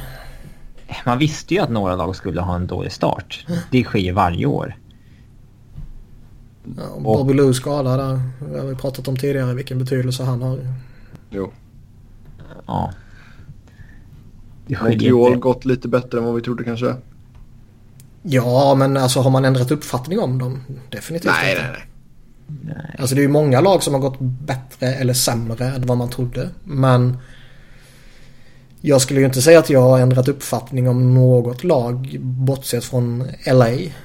Nej, nej de, det är beroende på vad som händer på tradefronten här nu så kan det bli en lång och riktigt, riktigt jobbig säsong. Mm. Och det är ju välkommet. det, ja, det gillar du kan jag förstå. men, men. Ja, det är inte lätt att vara, vara med just nu. När det kommer till sportlagen.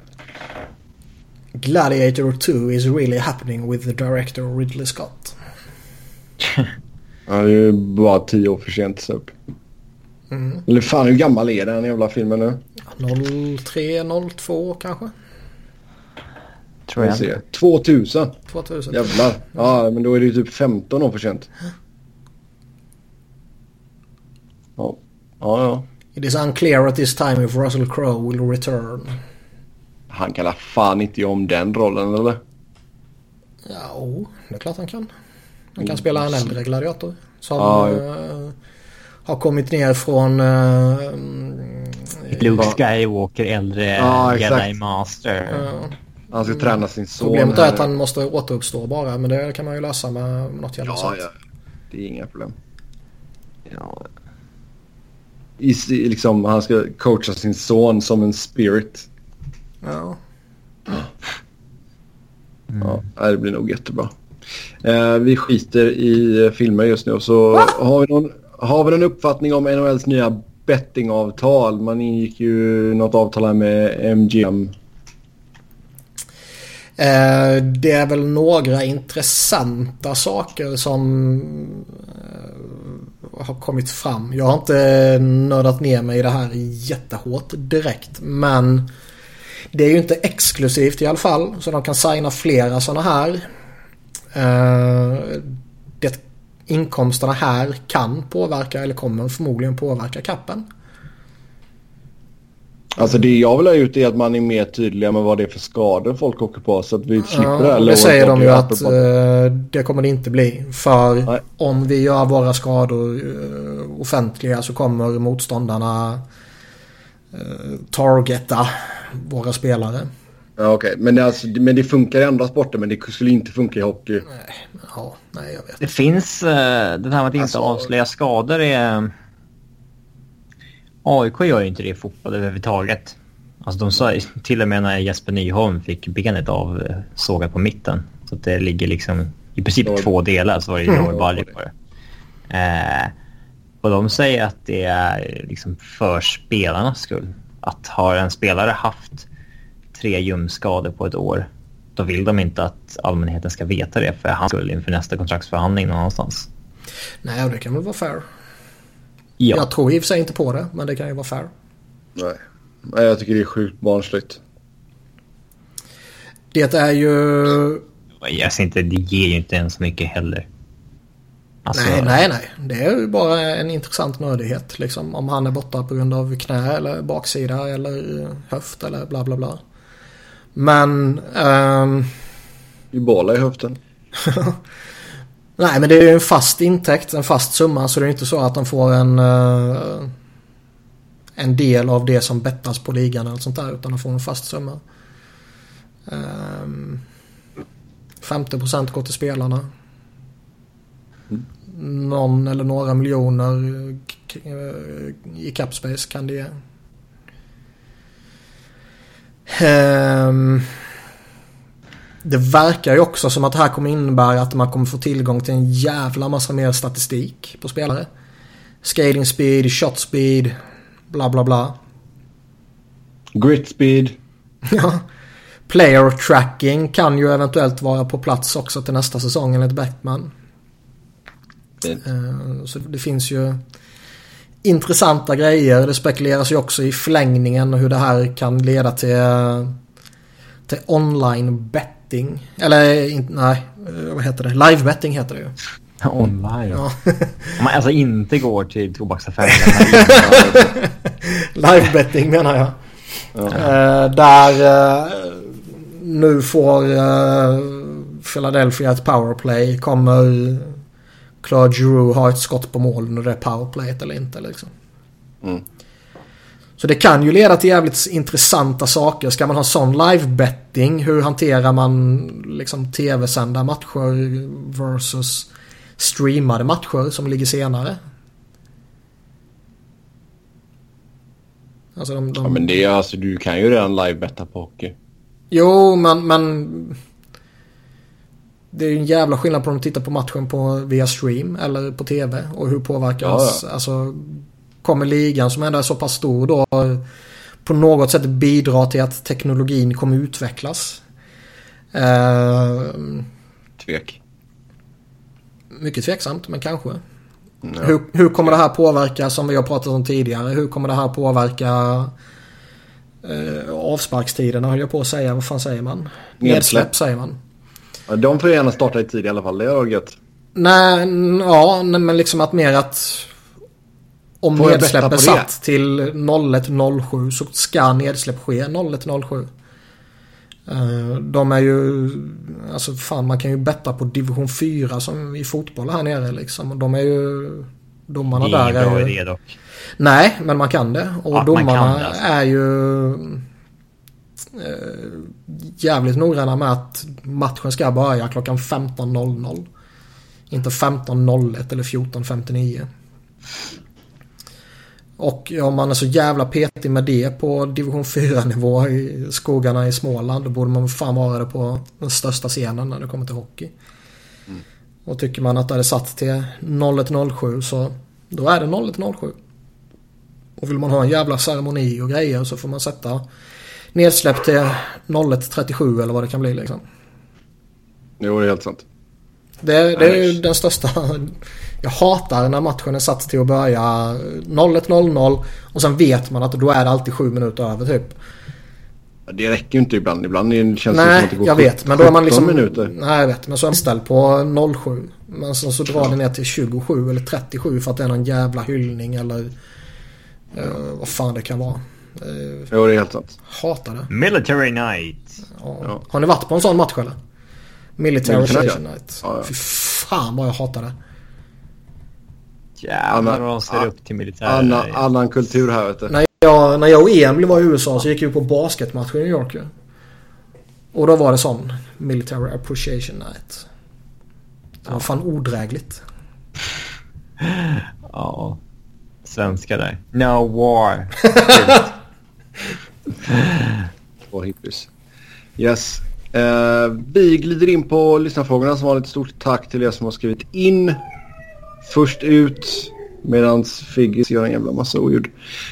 Hur många matcher ser ni vanligtvis per vecka ungefär med era lag inklusive andra matcher? Eh, själv har jag sett extremt mycket första månaden då det blivit lite NHL hybris efter långt uppehåll. Men har bränt av 50 matcher på en månad. Mestadels i efterhandssändning via, via Play som funkar väldigt bra.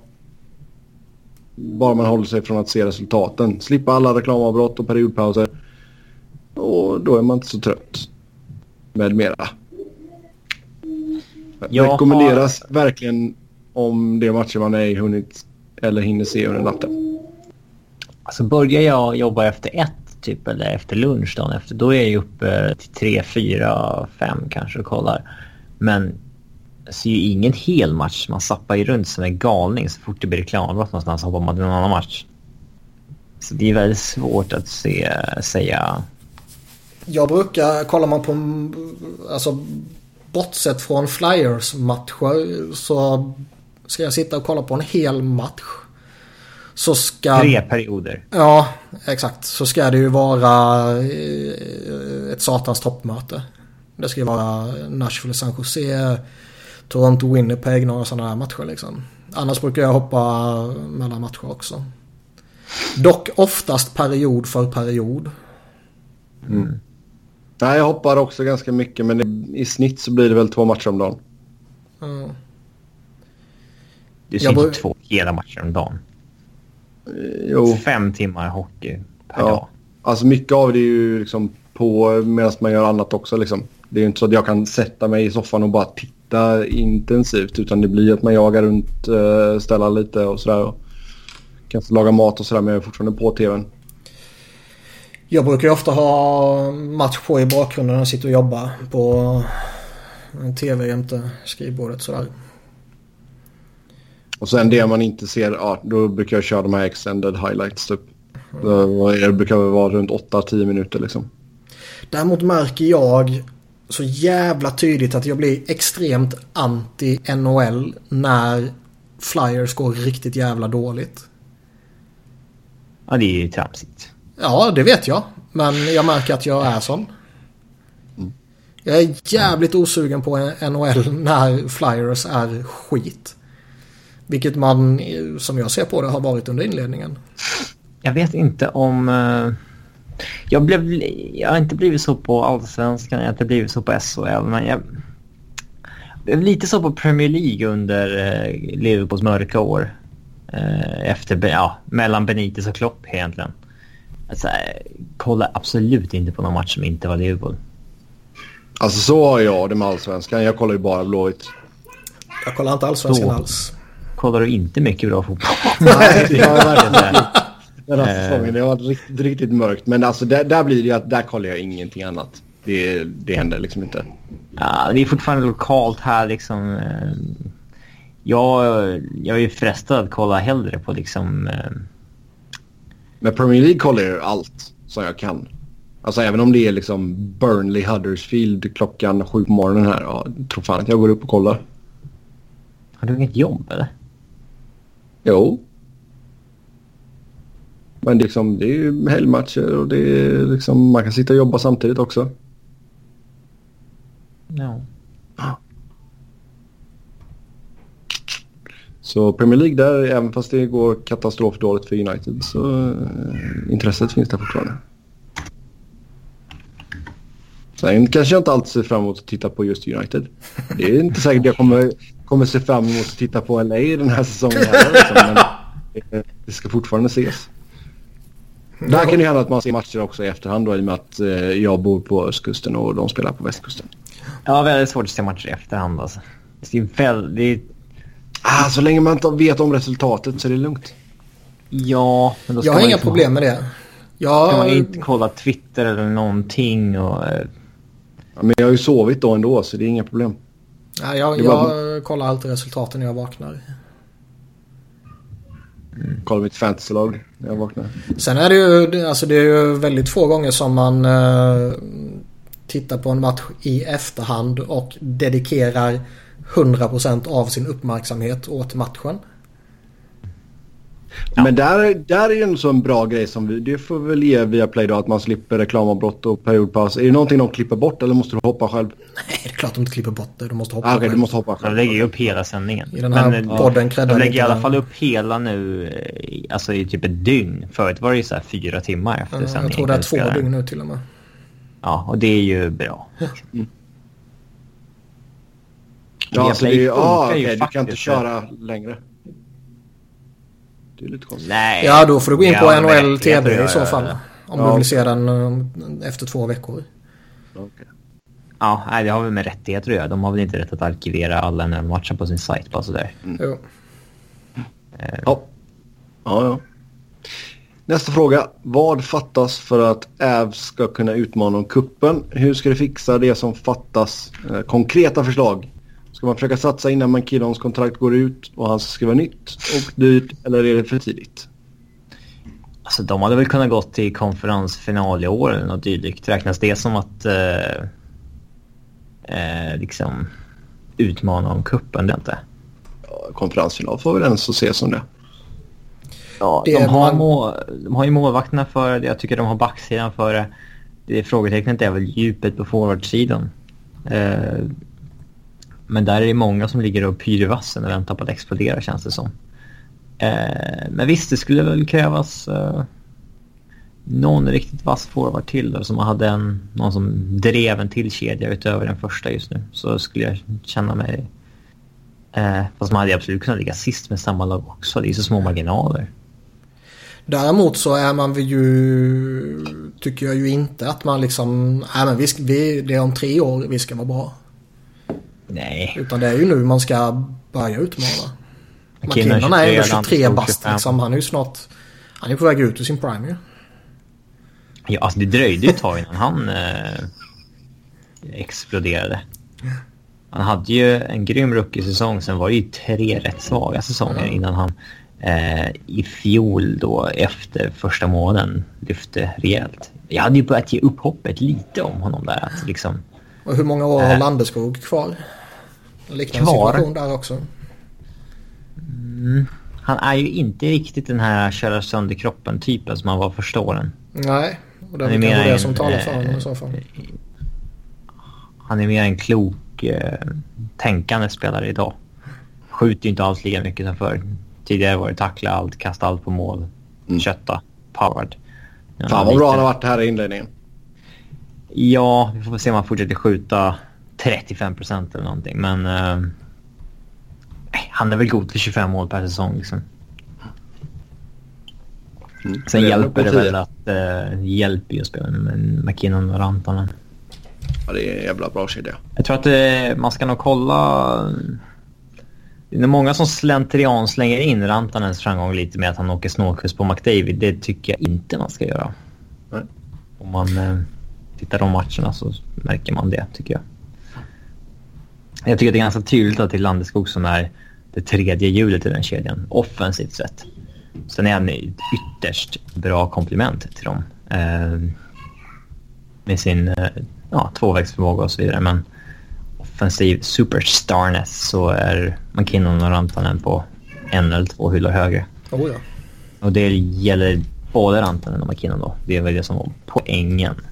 Eh, men alltså visst, det finns absolut potential i Avs att göra en liksom en grym säsong så. Men det är mycket som ska klaffa. Det är inte så, så att man eh, bara tar sig till slutspel så vet man att man är bra. Typ som Tampa i år eller någonting. Eh, de kanske inte vinner divisionen eller så, men de bara tar sig dit och så vet de att okej, nu kör vi. nu är vi ett av fyra lag som kan vinna typ. Mm. Eh, där är man ju inte. Men... Eh, mm, jag, jag har ganska högt förtroende för deras eh, beslutsfattande i front office också. Så att... Eh, jag är ingen jättefan kontrakten till Ian Matt Calvert, men jag tror ändå man liksom ändå, man har ändå tänkt på att liksom, man skriver inte längre än vad Landeskogs kontrakt går ut och så här, att man, man har inte skrivit de kontrakten på en längd som kommer hämma dem liksom. Nej. Eh, sen, eh, ja, det är så pass billiga kontrakt också egentligen. Yes, eh, nästa fråga här. EK65 står på noll mål och minus 5 efter 11 matcher i Contenders HC. Nu är det ju 12 matcher han har spelat. Han är på minus 7 men när frågan kom in så var det minus 5 och 11 matcher. Eh, är han slut dansar han bara i sju somrar. Det har blivit eh, sju assist på 12 matcher men är minus 7. Ligger 8 i den interna poängligan för Sharks. Har de inte haft, jag har inte sett så mycket Sharks, men det känns som att de har haft lite svårt att hitta rollfördelning i powerplay och sådär som man trodde skulle vara tok, tok vast. Det, ja, det är väl inte helt orimligt att det tar lite tid att sätta en sån här grej heller. Nej. Men du kanske ska det... Eh, nu vet inte jag, man har väl eh, särat på Burns och eh, Karlsson i powerplay. Eh, vet faktiskt inte. Om jag inte helt fel. Det känns ju relativt rimligt ändå. Jag tycker Jag det ska är- se hur de hade det senaste matchen här. Ehm, nej, då var de tillsammans på första. Men det känns mind. på en sån som Joe Pavelski. Han har 5 plus 0 bara. Det är också jävligt svagt. Mm. Och han är ju en sjukt intressant situation med tanke på kontraktsläge och grejer som vi har pratat om tidigare. Ja, att han är gammal. Men eh, jag skulle inte oroa mig ett skit över Karlsson. Eh, han flyttar till en ny stad, ny, eh, ny livsstil, nytt levnadssätt. eh, ny taktik, nya lagkamrater, nytt eh, allting. Mm. Alltså att allt inte är 100% perfekt från match 1. Tycker jag inte är några problem. Nej. Nej, det kommer nog. Om det inte är perfekt efter 50 matcher, då kan man börja oroa sig. Mm. Eller kan, då ska man börja oroa sig. Kanske till och med tidigare än så givetvis. Men i dagsläget tycker jag inte det är några, några orosmoln så. Nej. Nästa fråga. Är Josh Bailey en elite Är Josh Bailey en elite winger? Vart drar man gränsen för elit? Ja, Topp 30 på sin position? Ah, Topp 10 Alltså, han- får väl räknas som elit kanske. framförallt så känner jag väl att om man som 29-åring har haft ett bra år. Ett bra år är ju taskigt att säga. Men ett bra, eller ett... Ja, ett, ett jättebra år. Ja. Då Eh, är man ju inte elit. nej. Alltså han har legat tidigare, han har legat på omkring 30 och sen ökar han lite Han har inte gjort 20 omkring mål någon gång. 40. Nej, och sen så 16, 17, 56 poäng. Det, det är ju en gedigen säsong men inte fantastisk på något sätt. Och sen gångna säsongen är ju såklart eh, jättefin med 71 poäng på 76 matcher. Och nu ligger han point per game här också men alltså det är 11 matcher. Det, det är ju en axelryckning. Man ska... Tittar Så man på CV så, tittar man på hans CV så känns det ju som att man tänker andra line-spelare. Mm. han har haft väldigt bra ett och ett halvt år. Men eh, elit? Ja. Ja. Eh, nästa här då. Kuznetsov är en gubbe jag trodde skulle bli grym spelare ända sedan jag såg han för första gången 2010. Har ni någon sån spelare? Gärna någon som draftades lite senare. Som till exempel Kuznetsov som tog som nummer 26 och som ni trodde mycket på. Aha. Ska vi se, eh, två frågor igen här. Så har vi någon sån spelare och sen har vi någon som vi trodde mycket på men som inte blev någonting. Eh,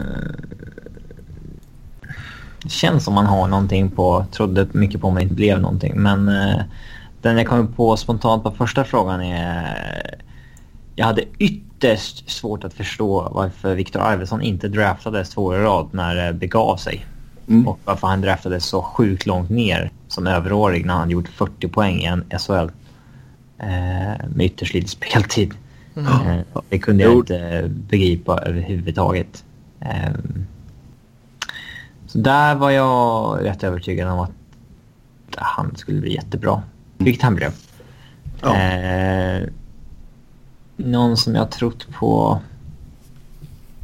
Mm, som inte har blivit... Jag har för mig att han nämnt det här förut. Eh, jag trodde...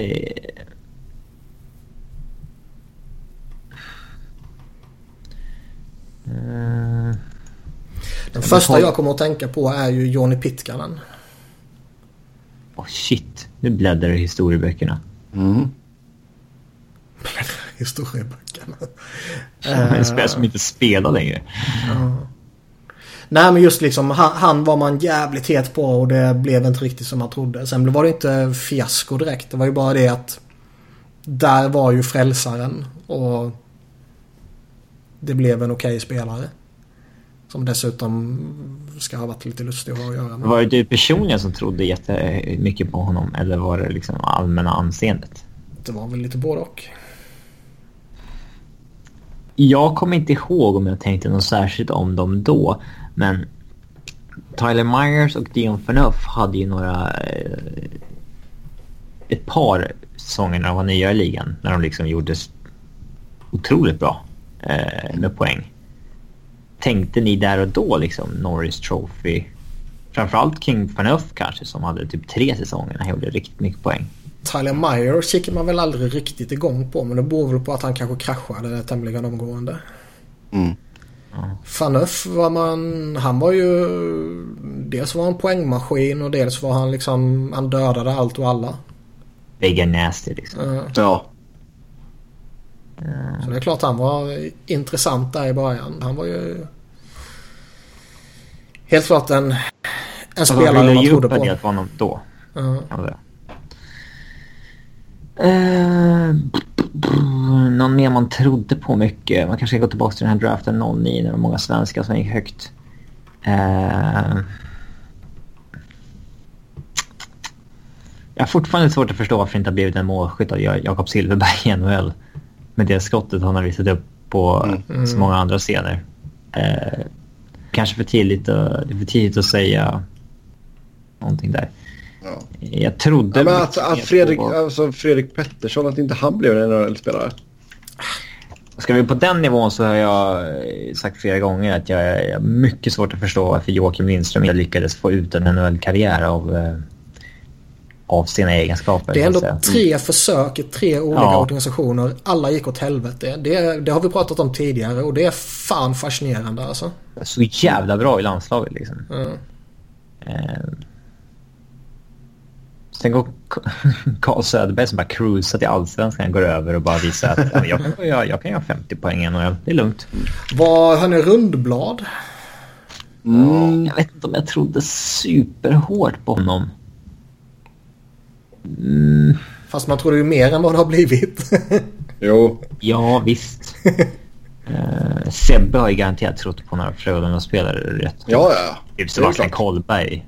Aldrig poäng på någon nivå någonsin. Vänta, jag väntar fortfarande på Arturi Lehtonen att han ska slå igenom med dunder och brak. Han håller jag högt. Så det kan bli en spelare längre fram kanske. Ja, men han är ju bra. Det är inget... Men att man... Alltså det är ju lätt att... Det är, det är så svårt också. Det är klart att det är lätt att vara efterklok. Men det är klart att man tyckte Lundqvist bra när han kom upp och att han gick så pass sent liksom. Uh, men att det skulle bli liksom den här erans kanske bästa målvakt. Ja, det kanske man har svårt att säga så här på förhand. Liksom. Nej. Uh, men, uh, nej. men som sagt att det inte blev en NHL-spelare av uh, Fredrik Pettersson. Det, det är också Frölunda-kopplingen där såklart. Är man förvånad kring Linus Klasen och Linus Omark-spelarna att det inte blev något av dem? Alltså Omark verkar ju ha inställningsproblem. Liksom. Ja, jag vet vad jag ska säga det, men det är många spelare som faller i det där facket att liksom... Att... Uh, ja, vad ska man säga? Att eh, små tekniska spelare som dominerar på en viss nivå men liksom hacket över går inte riktigt. Är det för tidigt att säga Casey Mittelstadt? Ja, det är Ja.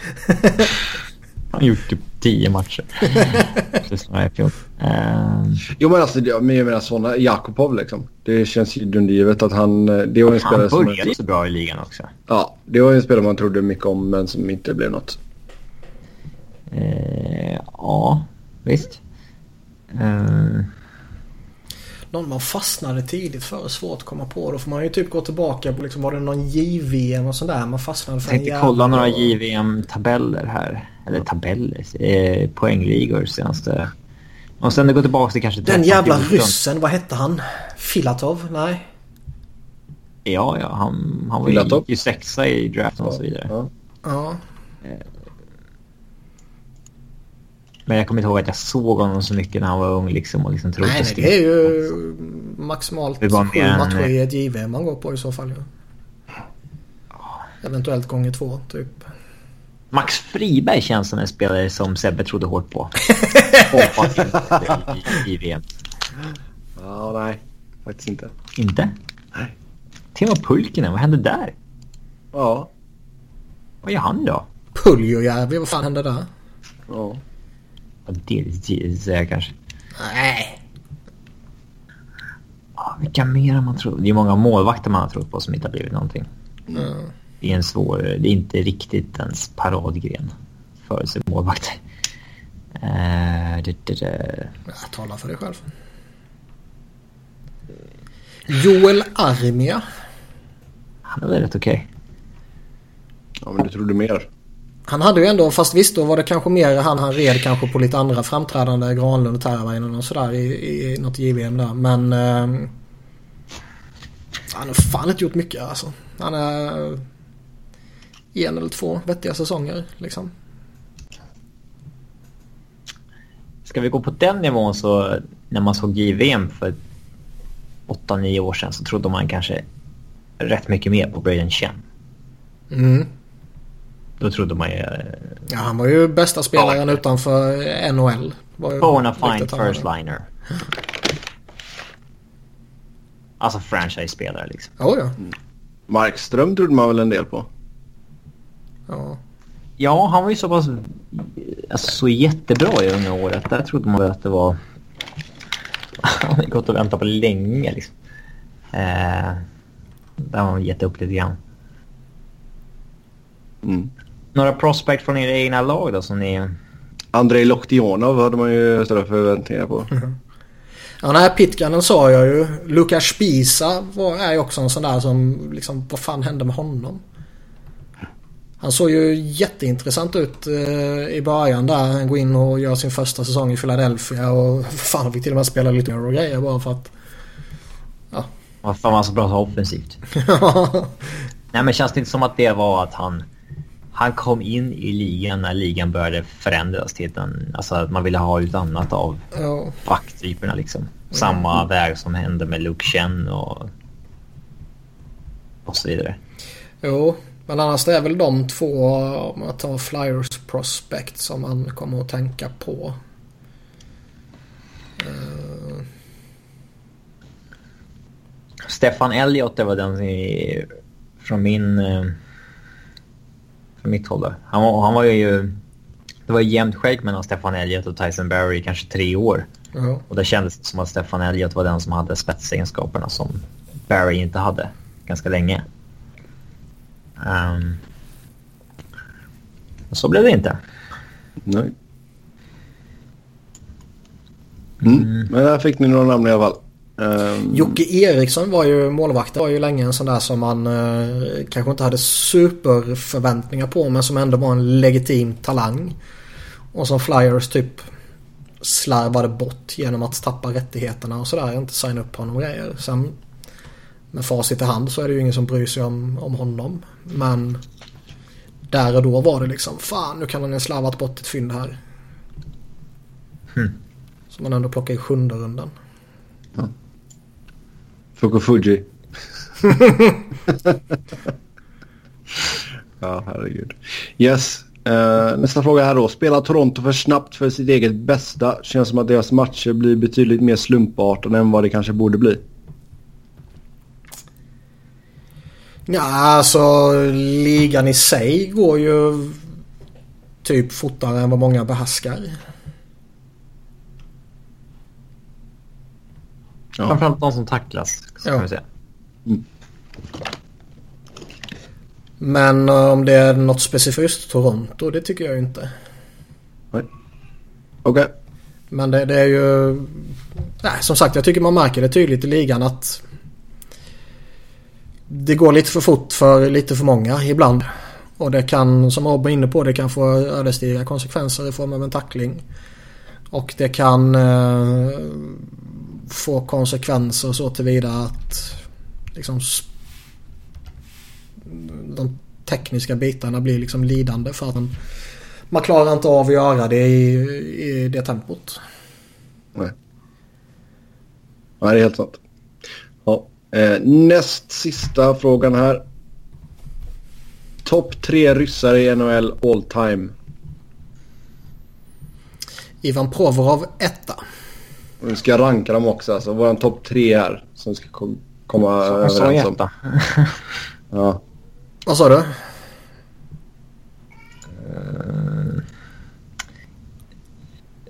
och då tänker vi... Ovechkin är, det är väl ingen som säger något annat än Ovechkin. Ovechkin är den bästa. Ja. Ja. Sen tycker jag det är jävligt öppet. Jag tycker Sergej Fedorov eh, givetvis ska nämnas. Jag tycker att Malkin och Datsjuk givetvis ska nämnas. Jag ja, väl Bure ska tycker nämnas. att Bure ska nämnas. Och det finns några sådana som var sneaky jävla bra. Alltså i Alexander Mogilny, Alex Kovaljev. Sergej Zubov var en sån här personlig favorit som jag gillade jävligt mycket. Men jag vet inte om han tar sig in på en topp tre. Mm. Larionov var ju inte Larionov så framträdande här. Eh, kom in efter sin prime men var ja. jättebra liksom. Ja. ja. Gjorde ändå 921 matcher. Det är mer än vad man tänker. Ja.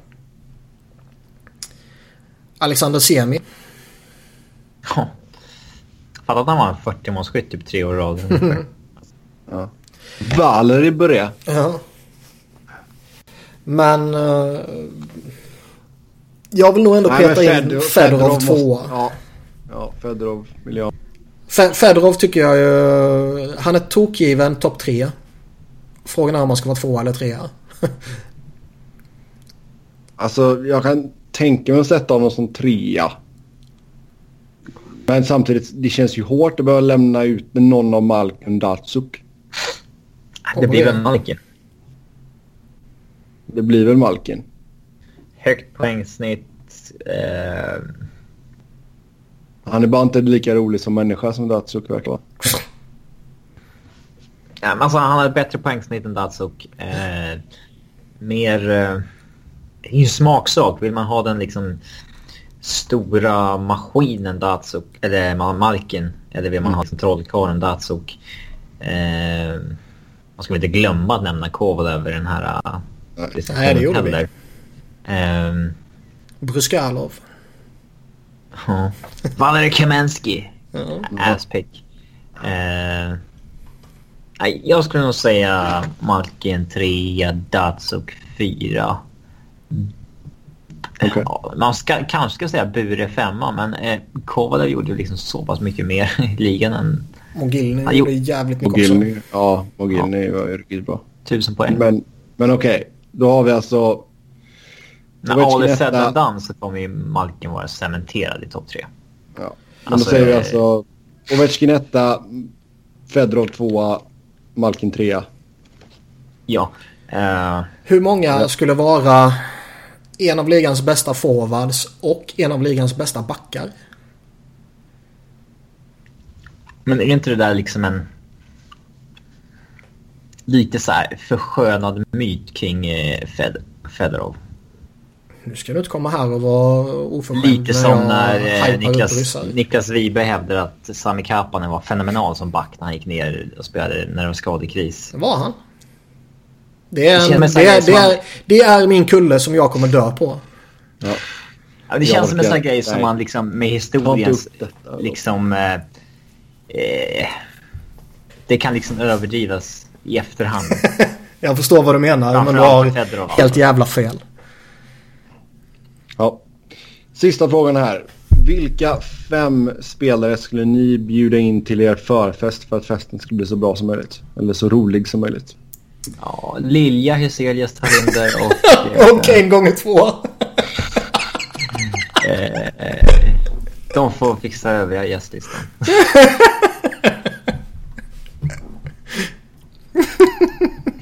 Herregud.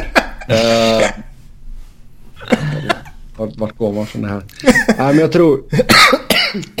Skulle jag bjuda in fem spelare? Okej. P.K. Subban. Subban bra val.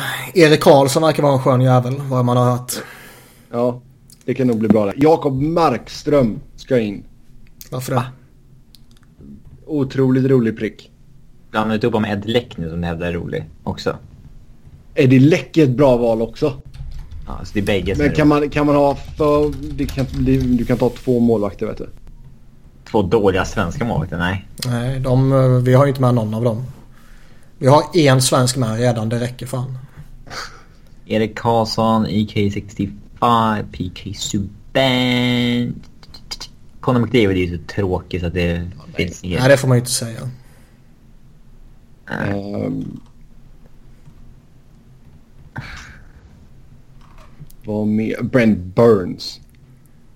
Ja, det kan jag tänka mig. Då blir det att du skjuter tomburkar med shotguns och grejer. Alexander Ovechkin efter en cupseger. Ja, den är svår att inte ha med. Den är ju tämligen självklar. Ja. Men bara om de har vunnit cupen. Och det kommer ju de inte göra igen. Du har, ni har- alltså man är, någon har ju vunnit kuppen här. Vi säger att de har vunnit kuppen förfest. och- Ja, jo. Ovechkin med, absolut. Bruskalov. Fast då är det inte på Skulle Scott Hardner fortfarande lirat skulle jag sagt honom. Han verkar vara en jävla skön snubbe. Snedso verkar kul också. Ja. Line säger många är kul. Eh, Inte Panarin för då måste tolken med.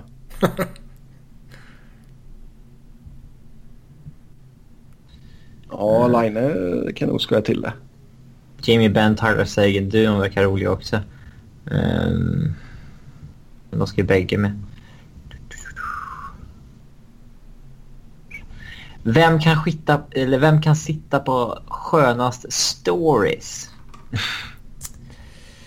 Det måste ju vara någon av veteranerna i så fall.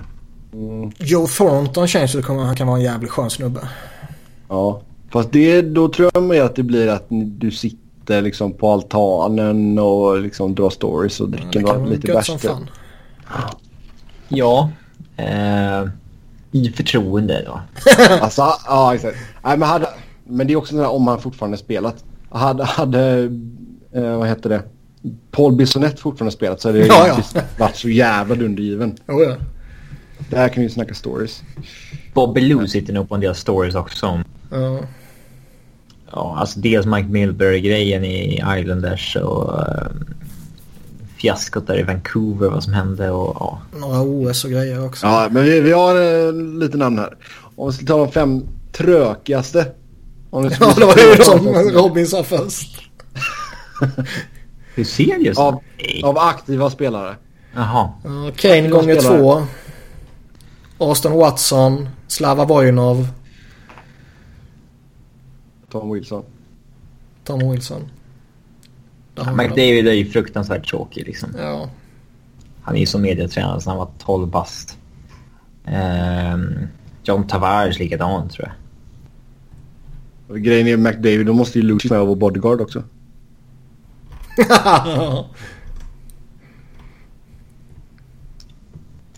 Rasmus Dahlin verkar ju rätt tråkig utanför hockeyisen.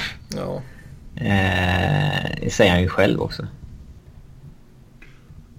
Ja, han får inte ens dricka lagligt. Buffalo. På tre år till. Så det är, det är, Den är, Fan den ska man överleva i Buffalo då? Fan, alltså den vad kan jag då? Nästa Sabres-podden har ju kommit med ett nytt avsnitt eh, som jag rekommenderar att man lyssnar på. Den är bra. Nästa avsnitt ska jag skicka in en lyssnarfråga. Och liksom, vad fan kan man hitta på i Buffalo? Mm. Och så kommer de bli tysta för de vet inget. Ja, vi fick några namn där i alla fall. På vilka vi tror skulle vara bra och vilka vi tror skulle vara mindre bra. Men Phil Kessel kom som förslag i chatten. Det är ett bra namn. Känns det som. Phil Kessel, ja. Det är sant. Ja. Han kan nog eh, dra lite grejer känns det som. Yes. Med det så tar vi och säger tack och hej för den här gången. Som vanligt kan ni köta hockey med oss via Twitter. Mig hittar ni på att Noren, Niklas på att Niklas Wiberg, Niklas med C och enkel V. Och Robin hittar ni på R underscore Fredriksson. Tills nästa gång, ha det gött, hej!